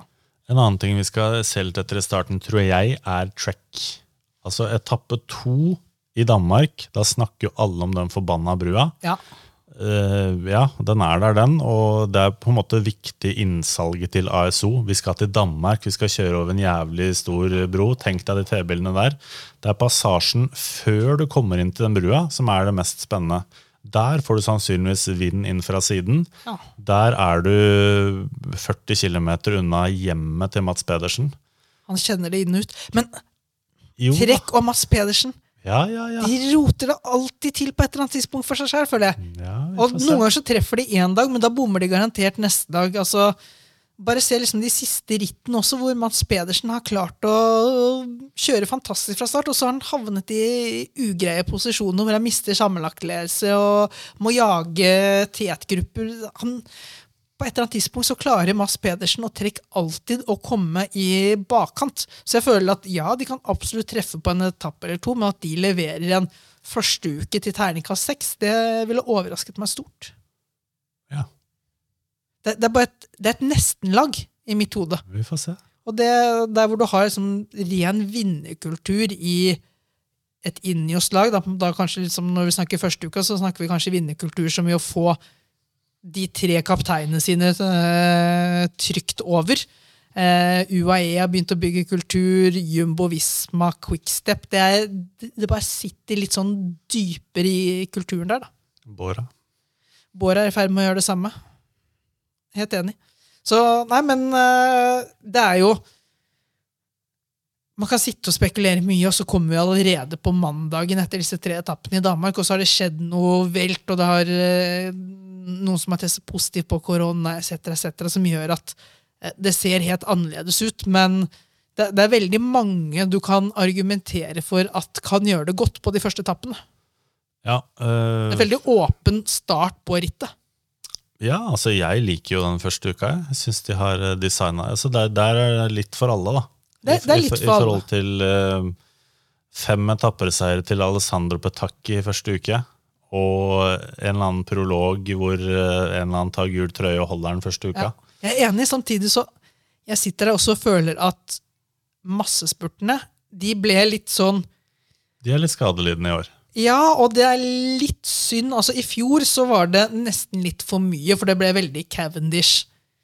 Cavendish foran Bohanni, så ble du sittende og tenke hva var egentlig nivået på de spurtene. Ja. Men når du ser en som kommer, altså en Jacobsen, Ewan eh, Hjelp meg ut her med alle andre. En Philipsen. som er litt tilbake. Philipsen. Jeg føler at det er fantastisk Dainese. men det er fantastisk fine spurtere som også er såpass jevngode at jeg tror ingen av de ville dominert og vunnet alle etapper. da, Hvis du hadde hatt en fem-seks spurtetapper. Så jeg mener jo at ikke, jeg skulle ikke gjort noe særlig med første uka, men at du kunne tatt en av disse lapskausetappene i uke to da, og gjort det til en ren spurtetappe, så tror jeg ikke du hadde tapt så mye av uh, i, på det. Jeg, sk jeg skulle faktisk helst, helst, ønsket å ha sett det, for uh, det er såpass mye fine spurter at hvis man unngår massevelt og frafall, så er det noen veldig veldig fine dueller der. Hvordan går det an å arrangere Tour de France uten Julia Alaphilippe? Nei, Det blir jo et stort tap da, for uh, hele nasjonalismen uh, i Frankrike. Det er jo kjæledegget nummer én. Det er superstjerne nummer én. Men altså, hva hva er vel Altså, franskmenn er jo ingenting om ikke nostalgiske. Så det at de har fått Roman Berdet og Thibaut Pinot liksom gravd opp fra den fossilgraven, det er jo det seg selv Jeg tror det kan være plasteret på såret i årets Tour de France for franskmennene. Ja, altså Du kan jo ikke ha unngått uh, å få med deg comebacket til Thibaut Pinot. Det var vel i Romandie rundt, hvor han tok en etappeseier og hadde litt, uh, hadde litt utur først. han ikke det? Jeg blir så varm om hjertet når vi snakker Thibaut Pinot. Og så vant han nok en etappe i Sveits. Riktig. Så ja, han var jo stang ut før han slo til da, med sin første. og Det var første seier på lenge før eh, koronaperioden slo inn. og jeg tror det som gjør at Tibopi nå er nesten en sånn, om ikke en universell, universelt elsket rytter, så det er i hvert fall veldig få som har mye mot Thibaut nå. Det tror jeg liksom handler om at han har så åpenbare svakheter, kombinert med sine åpenbare styrker. Du har jo en Chris Froome da, som bare vant Tour de France på maskinelt eh, måte. Han var jo en er jo en veldig sympatisk og hyggelig fyr som man tenker at det burde være enkelt å elske, men han var bare for udødelig, nærmest. At Tibopi nå er så utrolig dødelig at uh, det er lett å elske han. Og det samme gjelder litt Roman Bardet. Det er uh, høye topper og dype daler. og Hvis det er én ting Hollywood har lært oss, så er det vel å elske akkurat de historiene der. Og nå spilles vel denne Netflix-serien inn også? Det skal uh, komme på banen her også, ja. Så ja. De, trenger jo, de trenger noen fine historier. Men hvis det er én ting jeg er lite bekymret for, så er det at det ikke skal dukke opp historie å ta tak i i løpet av disse tre ukene. Det gjør det alltid. Men hvis du var sportsdirektør for et lag som har ambisjoner om å vinne Tour de France sammenlagt ja. Og da Nå ser jeg, jeg Nå ser jeg litt bort fra Bora, faktisk. Unnskyld. Eh, men nå tenker jeg på UAE, Jumbo Visma, Ineos. Hvor mye hadde du tatt hensyn til den hektiske åpningsuka? Sidevind, vi vet aldri om vi får det eller ikke. Sannsynligvis får vi noe. Det er også denne Robé-etappen. Hvor mye må man tenke på det? Og, og da vil jeg også driste meg til den påstanden at sannsynligvis har Jumbo Visma og Ineos tenkt mer på det enn det ser ut som UAE har gjort? Det kommer veldig an på hva, hva slags rytterstall du har eh, å gå på. For hvis du er så heldig da, og sitter i Ineos-bilen Gabba. Ja, du har, du har nesten gjort det med to mann. Du kan nesten gjøre det med to ja. mann, fordi du har og altså, Her kan jeg trekke fram tre av de som er det, men du har Luke Roe. I mitt hode nummer én i bransjen når det gjelder posisjonering Eh, og det som handler om sidevind, da, det er posisjonering, men det er timing. Timing på posisjonering. Når er du der? Og så er det kraft nok til at når du velger å gå fram, så utgjør du en forskjell også når du tar en føring. Det er mange andre som klarer å bringe laget sitt opp i riktig, på riktig tidspunkt, så, men så er det først når bølge to kommer med de kjøresterke, at det faktisk sprekker opp. Luke Rowe, og så har du Filippo Ganna, da, som når han setter på turboen, så sprekker det iallfall opp.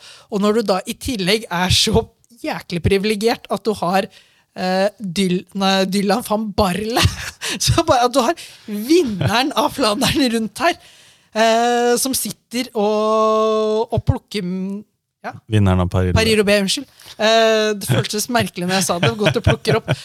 som i tillegg kan klatre da, og være hjelper. Altså, du du slipper å velge enten-eller der. da. Fordi du har så mye gjort der. Og da har du på en måte tatt hensyn eh, gjennom det. og Da kan du til og med tillate å ha med deg tre kapteinsemner som du kan Du kan nesten mann til mann. Ganna kan ta én, Luke Rowe kan ta én, og van Barle kan ta én. Så er det ikke sånn det blir, for du opptrer som en enhet. Men ikke sant, du kunne nesten mannsmarkert de ut gjennom på en eh, brosteinsetappe, eksempel.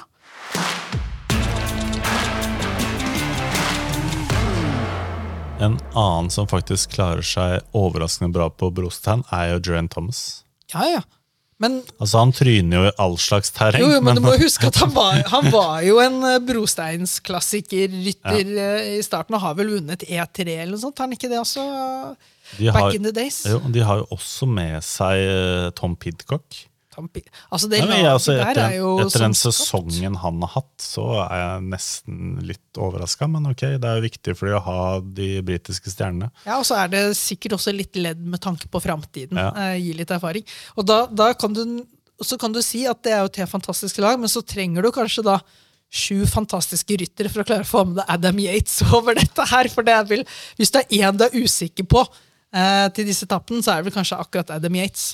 Vet du hvilken norsk rytter som har eh, Sikkert flere, da, men han jeg vet om, som har eh, Luke Rowe som sitt forbilde?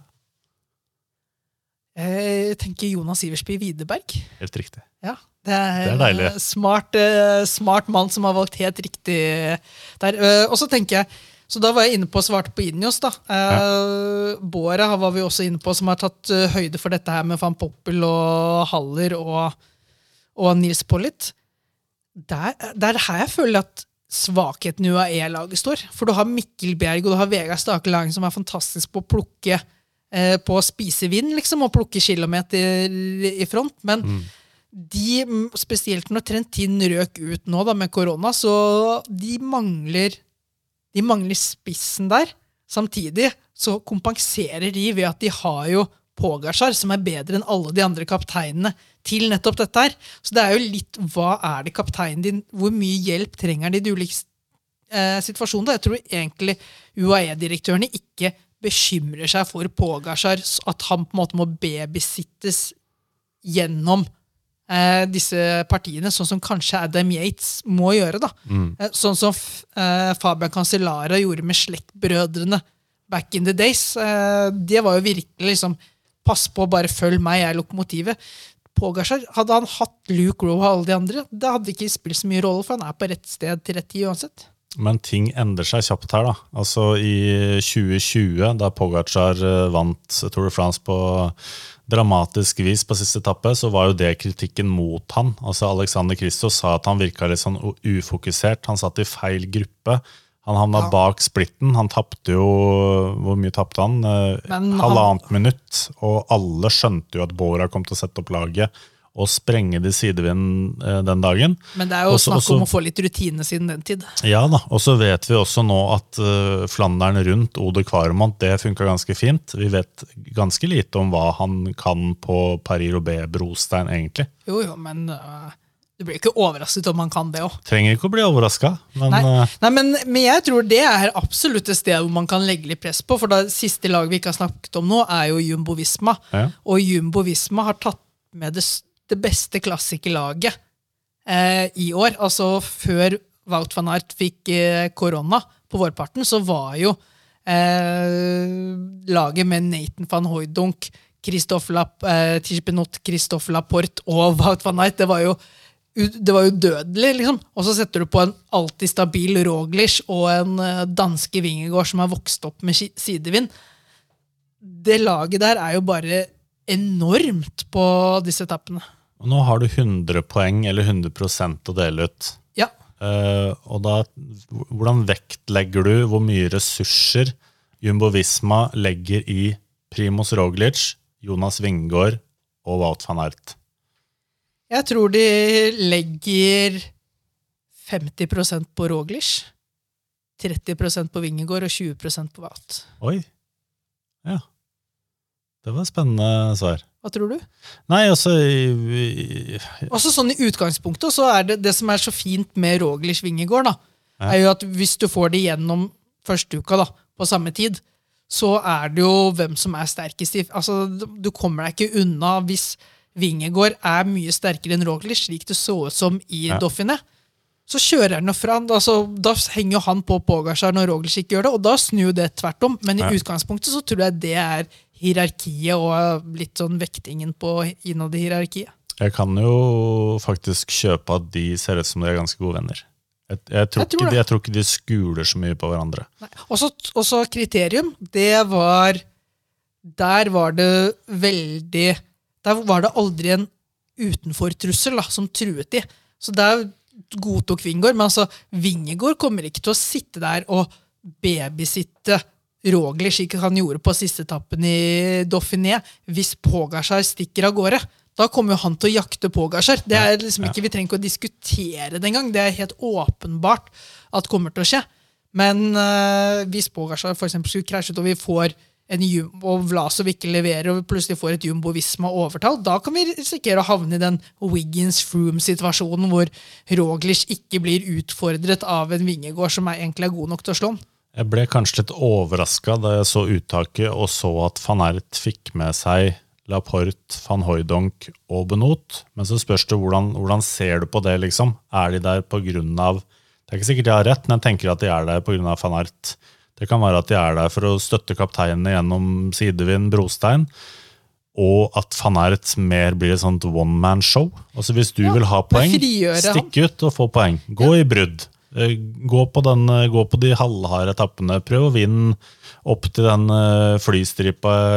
Ikke Hva heter det der? Men Ikke den tenker jeg på, den som Nei, kommer den- på vei inn i Alpene. ja, da var den der 20 km med 4% i snitt, den uh, havnet vel også på toppen av en uh, Ja, den, den kan jeg fint gå for. Og så er det der de var i Criterium du Dauphiné, når de hadde De, de var jo en sånn flyplass i flere dager. Ja, ja, men det er en veldig interessant tanke, for da er det, man tenker at de er inne for å i utgangspunktet hjelpe Wout, men de tar egentlig bare og frigjør hans kapasitet ved å ta over noe av den jobben han ellers måtte lagt inn.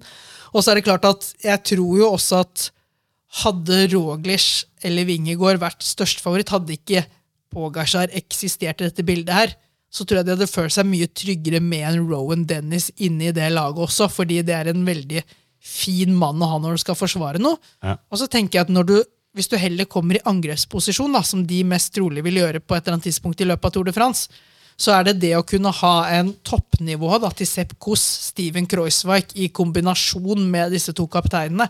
Da de på enkeltetapper kan de stelle i sånn ekstremt trøbbel.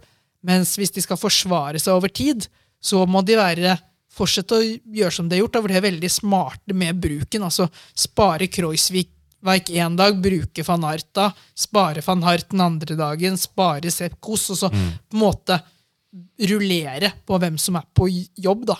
En annen, ting, en annen ting de er flinke til, er jo å, å endre strategi underveis hvis de trenger det. Det så vi både i Giro d'Italia det har vi sett i Tour de France tidligere. Men det der med, med van Art og Vingegård, da, jeg, det, synd, det som jeg stussa litt på i fjor, var at etter at Roglic var ute, så tenkte jeg at da ville de samle seg mer rundt Vingegård enn de faktisk gjorde. Altså Ja. Det du gjorde da, var at ok, Vingård, hvis du har muligheten til å komme deg på sammenlagtpodiet, gjør det sjøl, men nå skal også Wout van få skinne. Ja. Og så er det helt fortjent at van Ert får lov til å skinne. Altså At han skal få gå et grønt i år, det, det er jo helt fortjent. Og hvis de klarer å sjonglere Vingegård, Roglers på en god måte, i tillegg spille opp van Ert da, og, og, få, og få han fornøyd, det er jo en kjempeprestasjon. Uh, og så er det jo et fantastisk lag de har. Altså De har Vingegård og Roglic, og så har de i tillegg Kreuzweig og Koss. Ja. Altså De er godt forspent i fjellene. For spent. Og, Men og, og det, det er også en forskjell fra tidligere med Pogacar. Hans eh, klatrekorps blir jo bare sterkere og sterkere. Altså han har, eh, nå har han jo Hirschi, da, som blir litt sånn eh, be, Begge leirer, kanskje, men altså Maika som løytnant. Brandon McNulty, Mark Soler og George Bennett. sterkere enn de noen gang har vært i fjellene. Men tror du at For her er det jo Det norske folk eh, har jo litt sånn Altså, det er litt ting som skapes i norsk sånn Tour de France-kultur også, og en av de tingene var jo at vi, vi har sett fryktelig ned på Movistar og hvordan de har holdt på tidligere år, når de har vært de tøffe. Og det er mye av at man setter noen krav når det er de eneste som kan utfordre et Inios-dynasti som vi hadde. Mm. Si nå at vi kommer i en posisjon hvor Jumbo Visma er de som har størst mulighet til å utfordre dette Pogacar-dynastiet som er i ferd med å bygges opp. Tror du vi kan sitte med en følelse underveis i Tour de France at her har det blitt for mye kokker, for mye søl? At man, at man ser Wout van Aert ta sine muligheter og strekke seg til grønn, og så bruker man det som en, eh, et argument for at de her gjør jo ikke alt de kan for å prøve å ta Pogacar, og de prøver ikke å knekke de. og jeg tror du på en måte at Jumbo Visma, selv om de er veldig forskjellige fra Movistar i måten de drives på, at i norske øyne, også litt internasjonale øyne, at man kan, man kan bli litt frustrert på de. Rett og slett fordi man setter så mye av eliten til at spenningen sammenlagt skal holdes ved at de er så all in på å angripe Pogasjar. Ja, altså Jeg, jeg tenker jo nøkkelen er å holde eh, Roglic og Vingegård fornøyde. Eh, I tillegg så vet vi at de som er rett bak der, de er jo drita gode, de òg. Så du ser, uten Roglic så tar jo Sepp Kuss etappeseier. Altså, De er jo stand til altså Hovedutfordringa er jo å holde alle happy. Ja, det er vanskelig, vanskelig, og jeg tror at en av snakkisene i, i denne Tour de France, også fordi det starter i Danmark, blir sånn her release Vingegård. Vingegård. Det er litt så, samme som vi har opplevd med Landa i Sky. Og så kan man diskutere om det er medieskapt eller ikke. Men Ja, eh, det, det er jo litt sånn blanding. Det er jo litt sånn skapt av medier, som igjen er skapt av et ønske fra seerne. ikke sant? Og det er jo Ja. det, er jo det der at man ønsker På en måte så ønsker man jo sterke kollektiv og se det taktiske spilles ut. På andre måter så du er, man er liksom alltid på jakt etter den nye underdogen. At underdogen skal overta fra den etablerte stjernen. Men prøver du egentlig å si at du føler at Jumbo Visma kapitulerer litt i kampen mot Pogacar, og heller kommer til å vifte den grønne trøya? Nei, men det er mer det at det fins en plan B og en plan C der. At det på en måte um, Hvordan skal jeg formulere det? At det er, det er flere kokker der, da. Og det er ikke sikkert at Det kan være at potensialet til Roglic og Wingegård ikke er bedre enn å bli to og fire, da, for eksempel. Og at det uansett hvordan de spiller kortene sine, så blir de best to og fire. Men at de velger da å bli to og fire og samtidig slippe Wout van Hart litt løs. Og så sitter folk og tror at de kunne fått til så mye mer hvis han hadde ikke sant? Det går an å ta fornuftige avgjørelser som ikke, uten å legge alle eggene i én kurv, men som utenforstående for, som bare ønsker at det skal bli jevnest mulig sammendraget, måte fordømmer det der. Altså, jeg, tror det kan bli en litt sånn den forventningsavklaringen da, hos Jumbo Visma. Hva er, det, hva er det vi kan forvente av de, og hva forventer de av seg selv? Det er litt sånn utydelig der. Det er grønt på Wout van Aert, han skal få lov til å kjempe for det. Roger som Vingård skal kjempe i sammendrag, men det er litt sånn, det blir noe litt vagt over det. En annen måte å se det på er jo at uh, Wout van Aert er jo så god, så han er jo i seg selv en viktig hjelper for Roglic og det. Og så er det igjen, hvor motiverende er det for han da, å bruke Altså, han har jo et Ja, kjempeego, for må du bare gå ut tredje, ifra. fjerde Tour de France eventuelt. Han må bare innfinne seg i rekkene. Ja, hvor motiverende er det for han å hjelpe de hvis de blir to og fire, da, for Ja, ja. eksempel. Så Ja, for der, der jeg tror på en måte du kan Og det har vi jo sett i inni oss Team Sky-dagen, og så lenge du dominerer og er ganske trygg på at du vinner, Ja. så kan du få store stjerner til å gjøre mye. Med en gang det begynner å falle litt fra hverandre, og man ikke har kontroll på seieren, da begynner folk å stikke hånda i været og spørre om ikke jeg får lov til å stikke brudd på denne etappen her. tenk at han faktisk bare ditcha det belgiske mesterskapet. da. Ja, Skyldte på en liten kneskade. Det følte jeg var veldig kynisk, og det er greit nok det, men det overrasker meg likevel litt når det er regjerende mester og det belgiske mesterskapet. Og så tror jeg det er litt det der å spille med åpne kort. Var det en kneskade? Ja, men vet du hva, ikke skyld på en kneskade, bare si det rett ut, liksom. At, Ja, ja.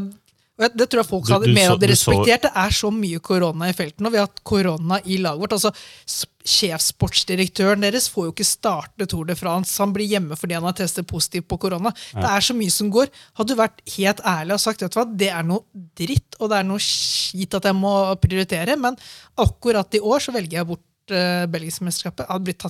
Jeg tror det hadde stått mer respekt av det enn å finne på en en unnskyldning som ingen egentlig kan validere om er eh, god eller ikke. Skal vi ta litt om Ineos-troikaen også? Hvem har du mest tro på? Joanne Thomas eh, eller Daniel Felipe Martinez? Jeg trenger ikke å nevne Adam Yates. K- Altså, kan jeg, Må jeg velge hvem jeg har mest tro på, eller minst tro på? Eh, det der, jeg satt Dani Martinez hele sesongen. Eh, og jeg, selv om formkurven peker, har pekt litt nedover på han, og på Joint Thomas plutselig eh, steget til værs Hvis jeg skal plukke de tre, så tror jeg Danny Martinez er den som blir best i sammendraget av de tre. Eh, og hvordan de skal bruke dette trehodede trollet til å skape trøbbel for Pogasjar, jeg vet ikke, Jarle. Jeg vet ikke. Det er noe med Du har en Du en Joint Thomas som egentlig skal ha sett sine beste dager. Mm. Du har en Danny Martinez på opp og fram, og du har en Adam Yates som elsker å sitte på halen av feltet. Hvordan du skal bruke det der til Hvordan de skal komplementere hverandre og skape utfordringer for Jeg den, altså På en måte så er Ineos å sitte i Ineos sportsdirektørjobben eh, i bilen er en takknemlig oppgave, og så er det fryktelig utakknemlig når det kommer til dette. her. Jeg skjønner ikke hvordan de skal spille kortene sine for å vinne Tour de France. For å si det litt sånn banalt, eh, de mangler en komplett sammenlagtrytter, sånn som det står akkurat nå. De, altså, Og- de mangler i form av at han uh, har ligget i sykesenga over Ja. lang tid uh, den sesongen. Og Joanne Thomas er ikke en rytter som kan vippe Pogacar ut av eh, bane i, i toppen av Tour de France-sammendraget. Det, det er kjørt for lengst. Ja, jeg, jeg ser liksom ikke for meg at Pogacar føler et behov for å tette alle luker når Thomas stikker, eller Adam Yates, fordi ingen av de egentlig er lenger stabile nok over tre uker. Og da er det på en måte Danny Martine som har et toppnivå, og så enten forsvinner han bort tidlig fordi han ikke har formen, eller så konsentrerer du deg mer rundt, rundt han da, og følge med på hva han gjør. Men du husker jo da Bernal trakk seg med ryggskade. Ja. Eh, Carapaz gikk jo bananas, holdt på å vinne en etappe, ga vel en til Kviato.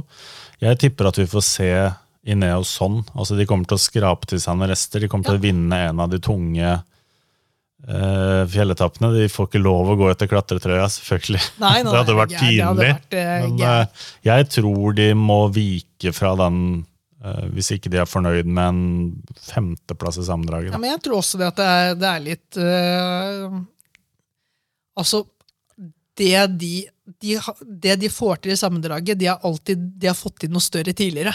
Måte, det, er, må alltid, det kommer til å være i år et steg ned fra det de har fått til tidligere. Og ikke bare fått det én gang, ikke bare to ganger, ikke bare tre ganger, men en haug med ganger.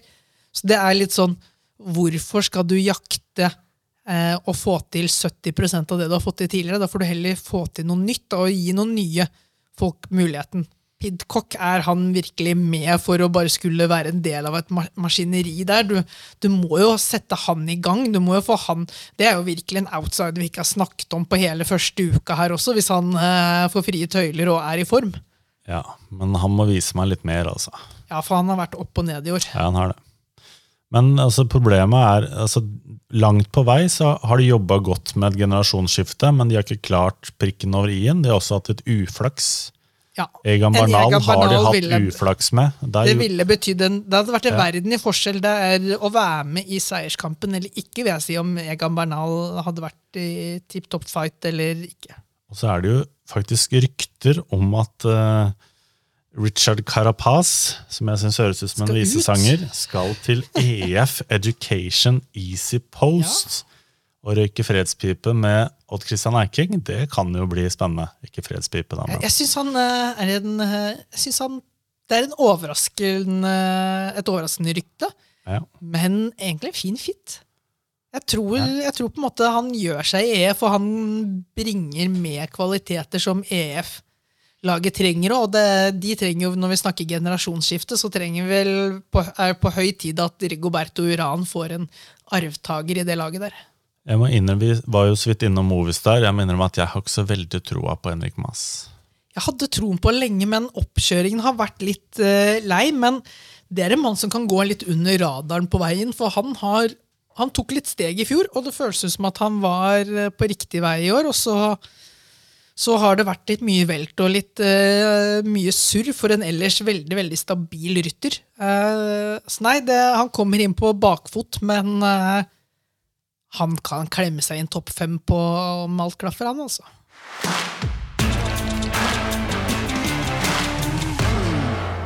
Vi må snakke litt om Ben O'Connor.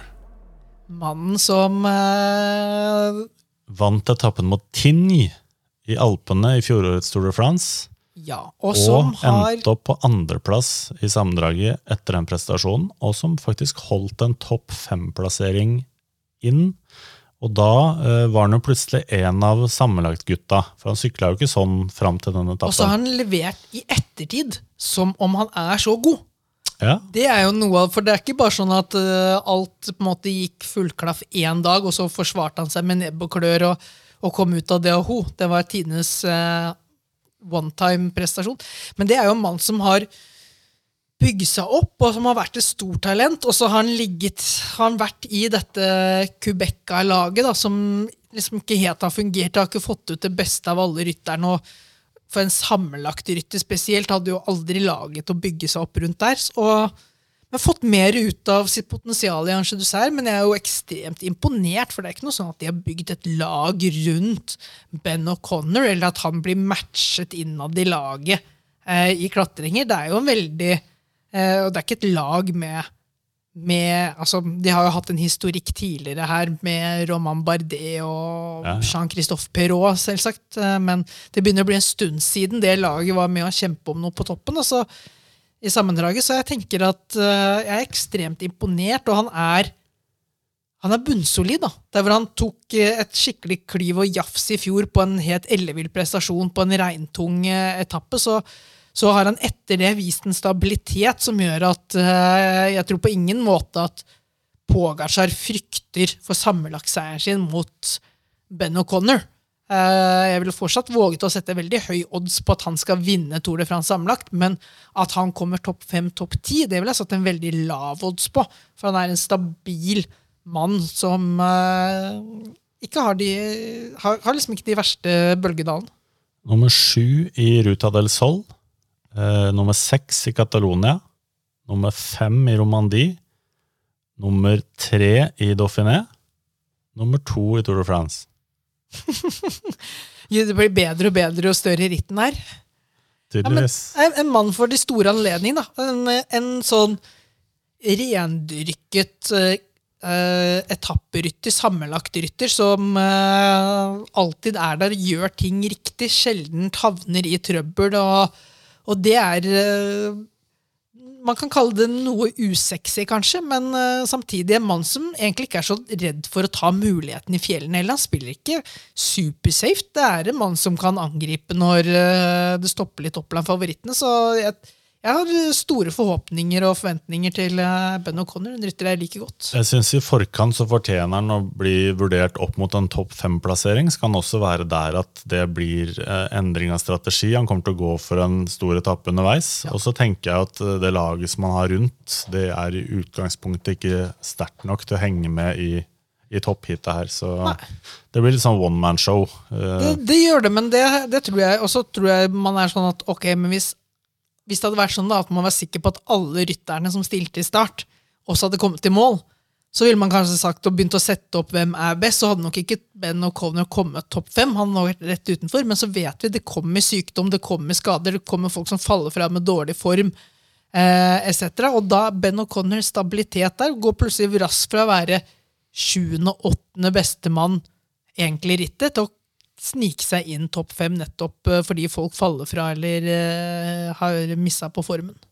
Jeg tenker at vi snart må over på de norske eh, Ja, herregud, vi skal jeg si? om det òg, ja. De norske holdt på å si innspillene, men det ble feil ord. Men de, de norske innslagene i Tour de France-feltet. Ja. Men bare helt til slutt, for nå har vi jo faktisk, eller ikke helt til slutt, men før vi går dit Vi har jo faktisk ikke snakka så veldig mye om Tadej Pogacar. Men oppgaven min er bare uh, hva er svakheten til Pogacar? Da er vi ferdig med det. Det var, uh, Det var kort og fin uh, spalte. Det er, der finner du noe. Den kan bli det nye. Ja, men det er jo ikke noe særlig å snakke om der. Det er svakheten eventuelt må Det som kan være en svakhet, da, Og det har vi ikke sett foreløpig, fordi det som var med fjorårets Tour de France, var at man fikk et ekstrem vær på de første klatreetappene.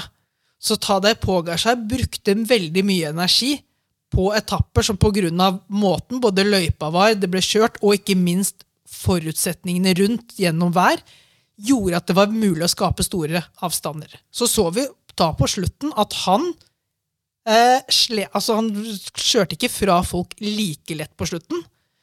Og det kan kanskje være hans svakhet, at han ønsker veldig mye. Altså, Han kan finne på å kaste seg med på Mathieu van de Poel sine eh, show i avslutninger på halvkuperte etapper i starten. og ja. Han kan eh, brenne mye krutt tidlig i rittet og kanskje ikke få like mye igjen for det i fjor, fordi været kanskje ikke er like ekstremt som det var da. Roglish er kanskje ikke borte som han var. Vingegård går han med selvtillit på at han er med fra start. En Vlasov som eh, markerer mer. altså det er det eneste jeg kan tenke meg, at han kan bli for ivrig, brenne for mye, for mange fyrstikker eh, tidlig. Det er det eneste jeg kan se på som en potensiell svakhet. Ja. Og så ble han jo satt på plass av Vingegård på Mont Ventoux. Ja. Det er jo det ekstraordinære TV-bilder. altså Det er noe av det villeste jeg har sett. Helt enig. Altså Hvordan kan den lugne, tynne, snille veltalende lille mannen fra, fra Danmark kjøre fra det monsteret der. Uh, og kanskje må du på en måte lokke han litt utpå. da. Klarer du å gjøre det når du, har, når du har to spydspisser? Kan du du, han er smart vet du, når han lar Vingegård gå på toppen av Ventoux. Ja, ja. altså han, han, taper jo ikke noe på det sånn sett. Han er uredd. ikke sant? Er, det er det som er han med liker det ikke. Ja, men det som er med ta det Pogacar kontra kanskje Bradley Wiggins og Chris Froome, var at de hadde enda, mer, enda sterkere lag rundt seg og gjorde det mer maskinelt. Men der tror jeg det i hvert fall satt en frykt for å tape i. da.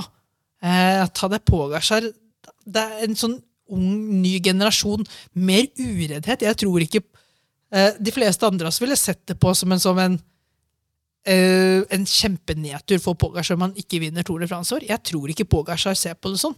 Så det er kanskje det at han, han er uredd for å tape, gjør kanskje at du også kan lokke han ut. Det er litt som barn, et barn i godteavdelingen. Liksom. Hvis du frister med for mye, så kanskje han blir kvalm til slutt. Da kvelden ender eh, med at den ikke er i toppslag. Jo, altså, sånn. Jeg skjønner at uh, Tour of Slovenia det er ikke det største rittet på jord. men... Satt du der og så etter svakheter? Nei, men å se, nei, jeg tenkte bare Pogacara. Altså, satt jeg så på litt klipp derfra, bare steike meg. Altså, når han går til, og det er kanskje vi setter mest på disse harde klassikerlignende etappene. da. Mm. Altså når han bestemmer seg, bare nå girer han, nå, nå, er det sayonara til resten av Toget går. Det er altså så utrolig gøy å se på, og han foretrekker ikke en mine. Nei. Nei det er, øh, og det er øh, noe helt nytt, og som vi Igjen, da går, ting går i trender og bølger, og det er en veldig kjærkomment eh, svar på den her Sky-dominansperioden. Det er eh, det, lav, det føles som litt lavere skuldre. Det er mer uventede ting som skjer. Og en, sånn sett en stjerne som selv om han kanskje ikke sier og oppfører seg mer perfekt enn det Chris Froome gjorde, så er det bare en helt annen type som man virkelig trengte i sporten. Og så masse goodwill eh, har han, og en veldig populær eh, frontfigur. Så det er, liksom, det er jo en riktig mann eh, til å lede sykkelsporten eh, ut mot eh, det store publikum som eh, man møter under Tour de France. Jeg tror Tadej Pogacar vinner Tour de France 2022. Det var årets minst minst elleville gambling eh, noensinne. Kan vi ikke da heller snakke om hva de norske skal få til? da? For det, det føles ut som at sannsynligheten er lavere for en norsk etappeseier enn det er for Tadej Pogacar til å vinne sammenlagt. Er du enig i den påstanden? Ja.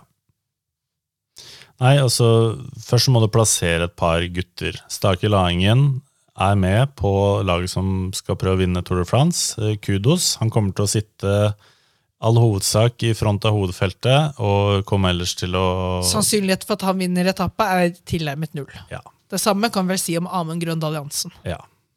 Og det handler ikke bare om at han skal passe på Grådenvegen, for det gjør mye det, men det handler også om at han fysisk, med, med alt han har vært gjennom, er ikke tilbake på sitt absolutt toppnivå. Altså Han er mer enn god nok til å gjøre en kjempejobb for Gråneveggen, men han er ikke god nok til å gjøre det og jakte egne triumfer i tillegg. Hadde han vært på absolutt toppnivå og fortsatt å bygge videre på der han var før koronaperiodene kom, så tror jeg absolutt han kunne vært det, men der er han ikke i dag. Det må man bare innse, og man må legge lista deretter.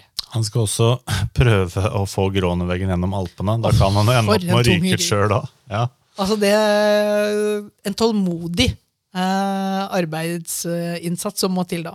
En som jeg ble litt positivt overraska over, og som også har eh, slitt litt og hatt litt utur, er jo Sven Erik Bystrøm. Ja. Eh, til meg så sier han at eh, det han hovedsakelig skal eh, gjøre, er å jakte brudd og prøve å gå for en etappeseier underveis. Så Så bra. Så Ja. det at man, man tenker jo først at han er jo hentet inn i arbeid for Kristoff. Men det er jo også litt det han signerte kontrakt med. Altså De har tro Ja. på han som rytter, og at han kan få til ting helt fra de signerte han. Han kan jo fint også bli fartsholder fra kilometer to til kilometer én, da. Men det er jo ikke så mange etapper det er aktuelt på. Det er, og nei, når skal Vanti ta ansvar altså, da som du sier, på, Fra kilometer to til kilometer én, da. Det er én kilometer har arbeidsinnsats. Det er ikke sikkert at det ødelegger de neste dagene. Nei. Eh, og de skal jo ikke ta, ta tak i rittet fra første kilometer, så han skal jo ikke sitte der og jobbe seks, sju, åtte mil. Han er ikke en eh, ny Tim de Klerk her. Så der er- er det, med den løypa som er, det er en mulighet. Samtidig så skal vi vite at det å vinne etapper fra brudd i Tour de France Yes. uten å være en veldig god klatrer, det er fryktelig vanskelig. Altså, det er mange muligheter, da, sannsynligvis eh, til å gå i brudd, og også en del muligheter hvor bruddet kan få gå inn. Så kan du spørre en rytter som Edvald Baasen Hagen hvor enkelt er det å vinne fra brudd i Tour de France. Eh, Så jeg blir jo Jeg må si jeg ble overraska hvis Bystrøm vinner en etappe, og faktisk også Andreas Leknesund. Eh, Han må gjerne motbevise meg.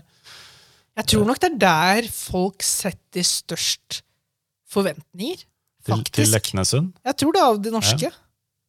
Ja, Det er mulig at det er bare jeg som føler at det er liksom bygd opp rundt en Sveits rundt, men det er igjen som jeg sier, at eh, i Tour de France, da, det største rittet av de største Nå er det litt hvordan man legger opp løypa igjen, men det har vært fryktelig vanskelig å vinne uten et sterkt vinnende våpen. Altså en spurt, en punsjøravslutning så du griner etter, fantastiske klatreferdigheter eller tempo. Hvis du først skal gjøre det, da er det bare noen få etapper som egentlig er ledige på brudd, og det er stort sett på fjelletapper. Altså, er det for flatt, så vil jo spurterne ane mulighet. eh, Og hvis ikke de rene spurterne, så vil i hvert fall disse klassikertyperne eh, ane mulighet. Og derfor så har jo Andreas Leknesund med sin klatreegenskaper har på en måte Det er ikke et stort vinnende våpen, det heller, for han vinner ikke mange fjelletapper eh, i et World Tour-nivå, men det er godt nok til at når han havner i brudd på en riktig dag, med riktig selskap, Mm. eh, med en dagsform som stemmer, så er det Jeg vil argumentere for en logikk da, om at han er vår største seiersmulighet. Jeg, jeg kaster meg faktisk på, den, eh, på det toget der. Klarer han å flytte på en type som Lennart Kemna, Max Schachmann, Jo, men, Magnus Kort, ja, man kan si det, men eh, samtidig Matej Moric?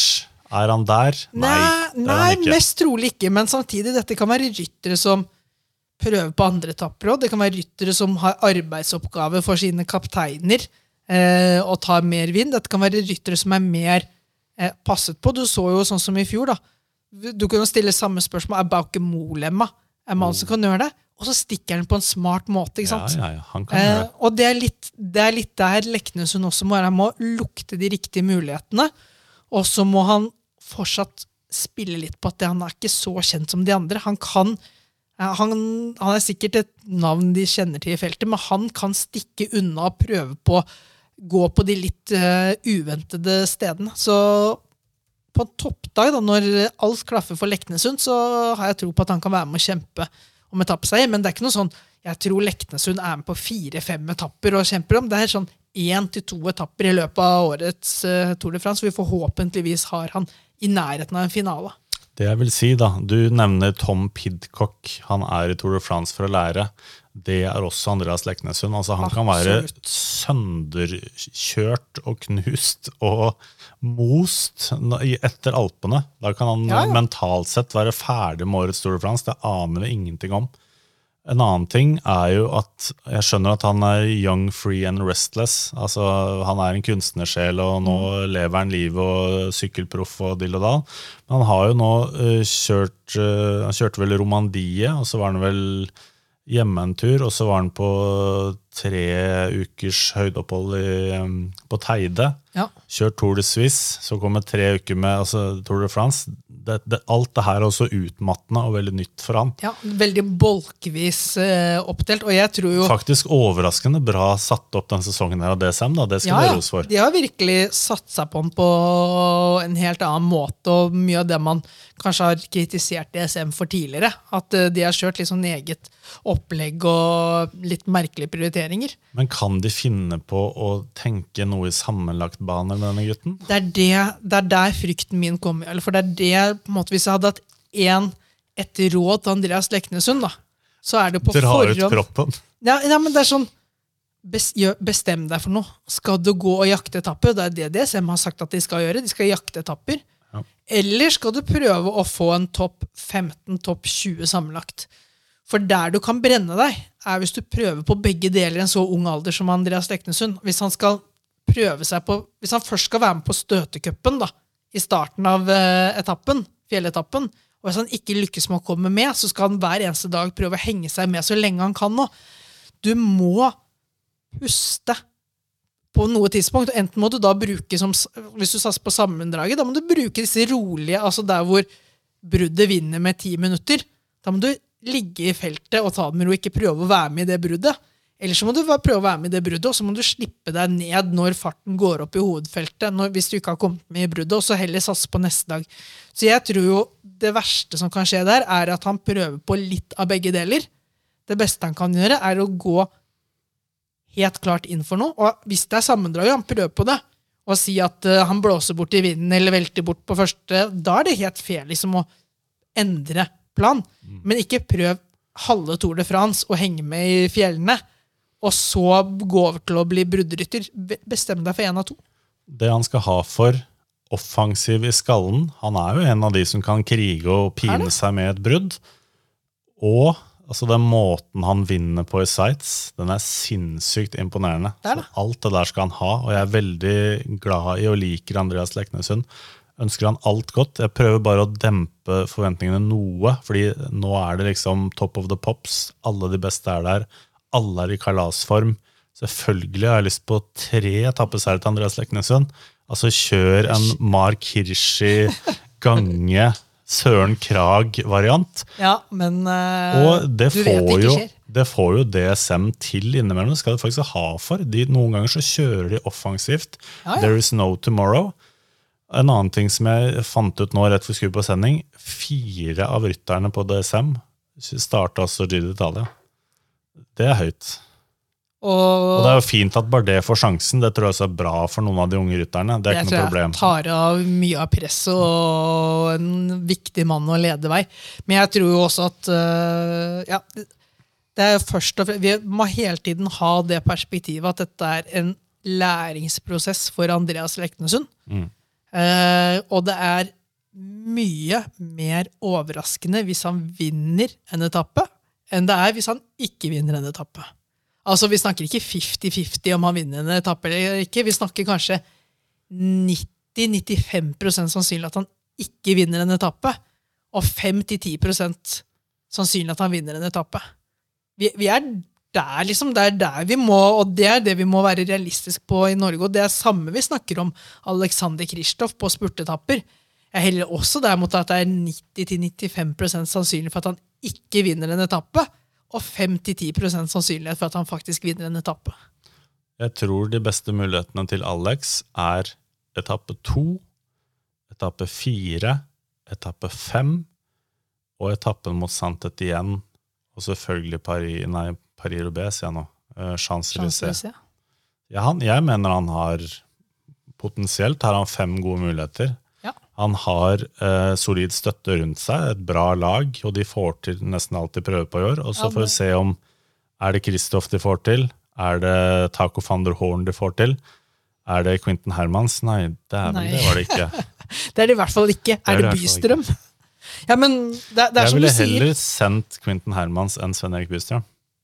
Ja, men det tror jeg Det ville vel Alpezin også gjort, som har signert han til neste år, så og det er jo også et eh, poeng, det burde vi snakket mye om, dette disse som eh, kaster ut folk som ikke skal sykle for dem neste år. Men eh, vi må ta noen kamper Jeg eh, tenkte du nå skulle inn på hvordan Alpezin Phoenix er i, ferd er med å bygge seg opp til en stormakt i World Tour. en, helt, eh, en helt annen podkast. Gode signeringer på vei der, altså. Virkelig gode. Krutt og tønner. Ja, og det, det har vært gjort smarte signeringer over tid òg. Ikke de største, men skal vi klare å kutte akkurat på to timer? Da har vi 18 sekunder igjen. er det en sånn fin avrunding for deg? Men uh, vi, satser på, på å komme tilbake i, uh, på hviledagene. Det må folk uh, abonnere, sånn at de får med seg når vi dukker opp på hviledagene. For vi skal holde pulsen på rittet. Og det kommer mer tour manager-tips. Herlig. Det, vi må vi holder tråden der, så for guds skyld eh, lytt til oss, da. Nå gikk vi rett over to timer, men eh, vi håper at de hang med de siste sekundene. Da. Takk for alle som hører på oss. Eh, Følg oss på Twitter, det er bare der vi er foreløpig. Anbefale Anbefal oss til en venn. Eh, Slå kompisen din i Tour de France Manager. Og ta en pils hvis det blir norsk etappeseier i Tour de France. Ha det bra. Perfekt. Gruppo Compato er en podkast fra Sykkelmagasinet. Denne podkasten ble produsert av Medievekst.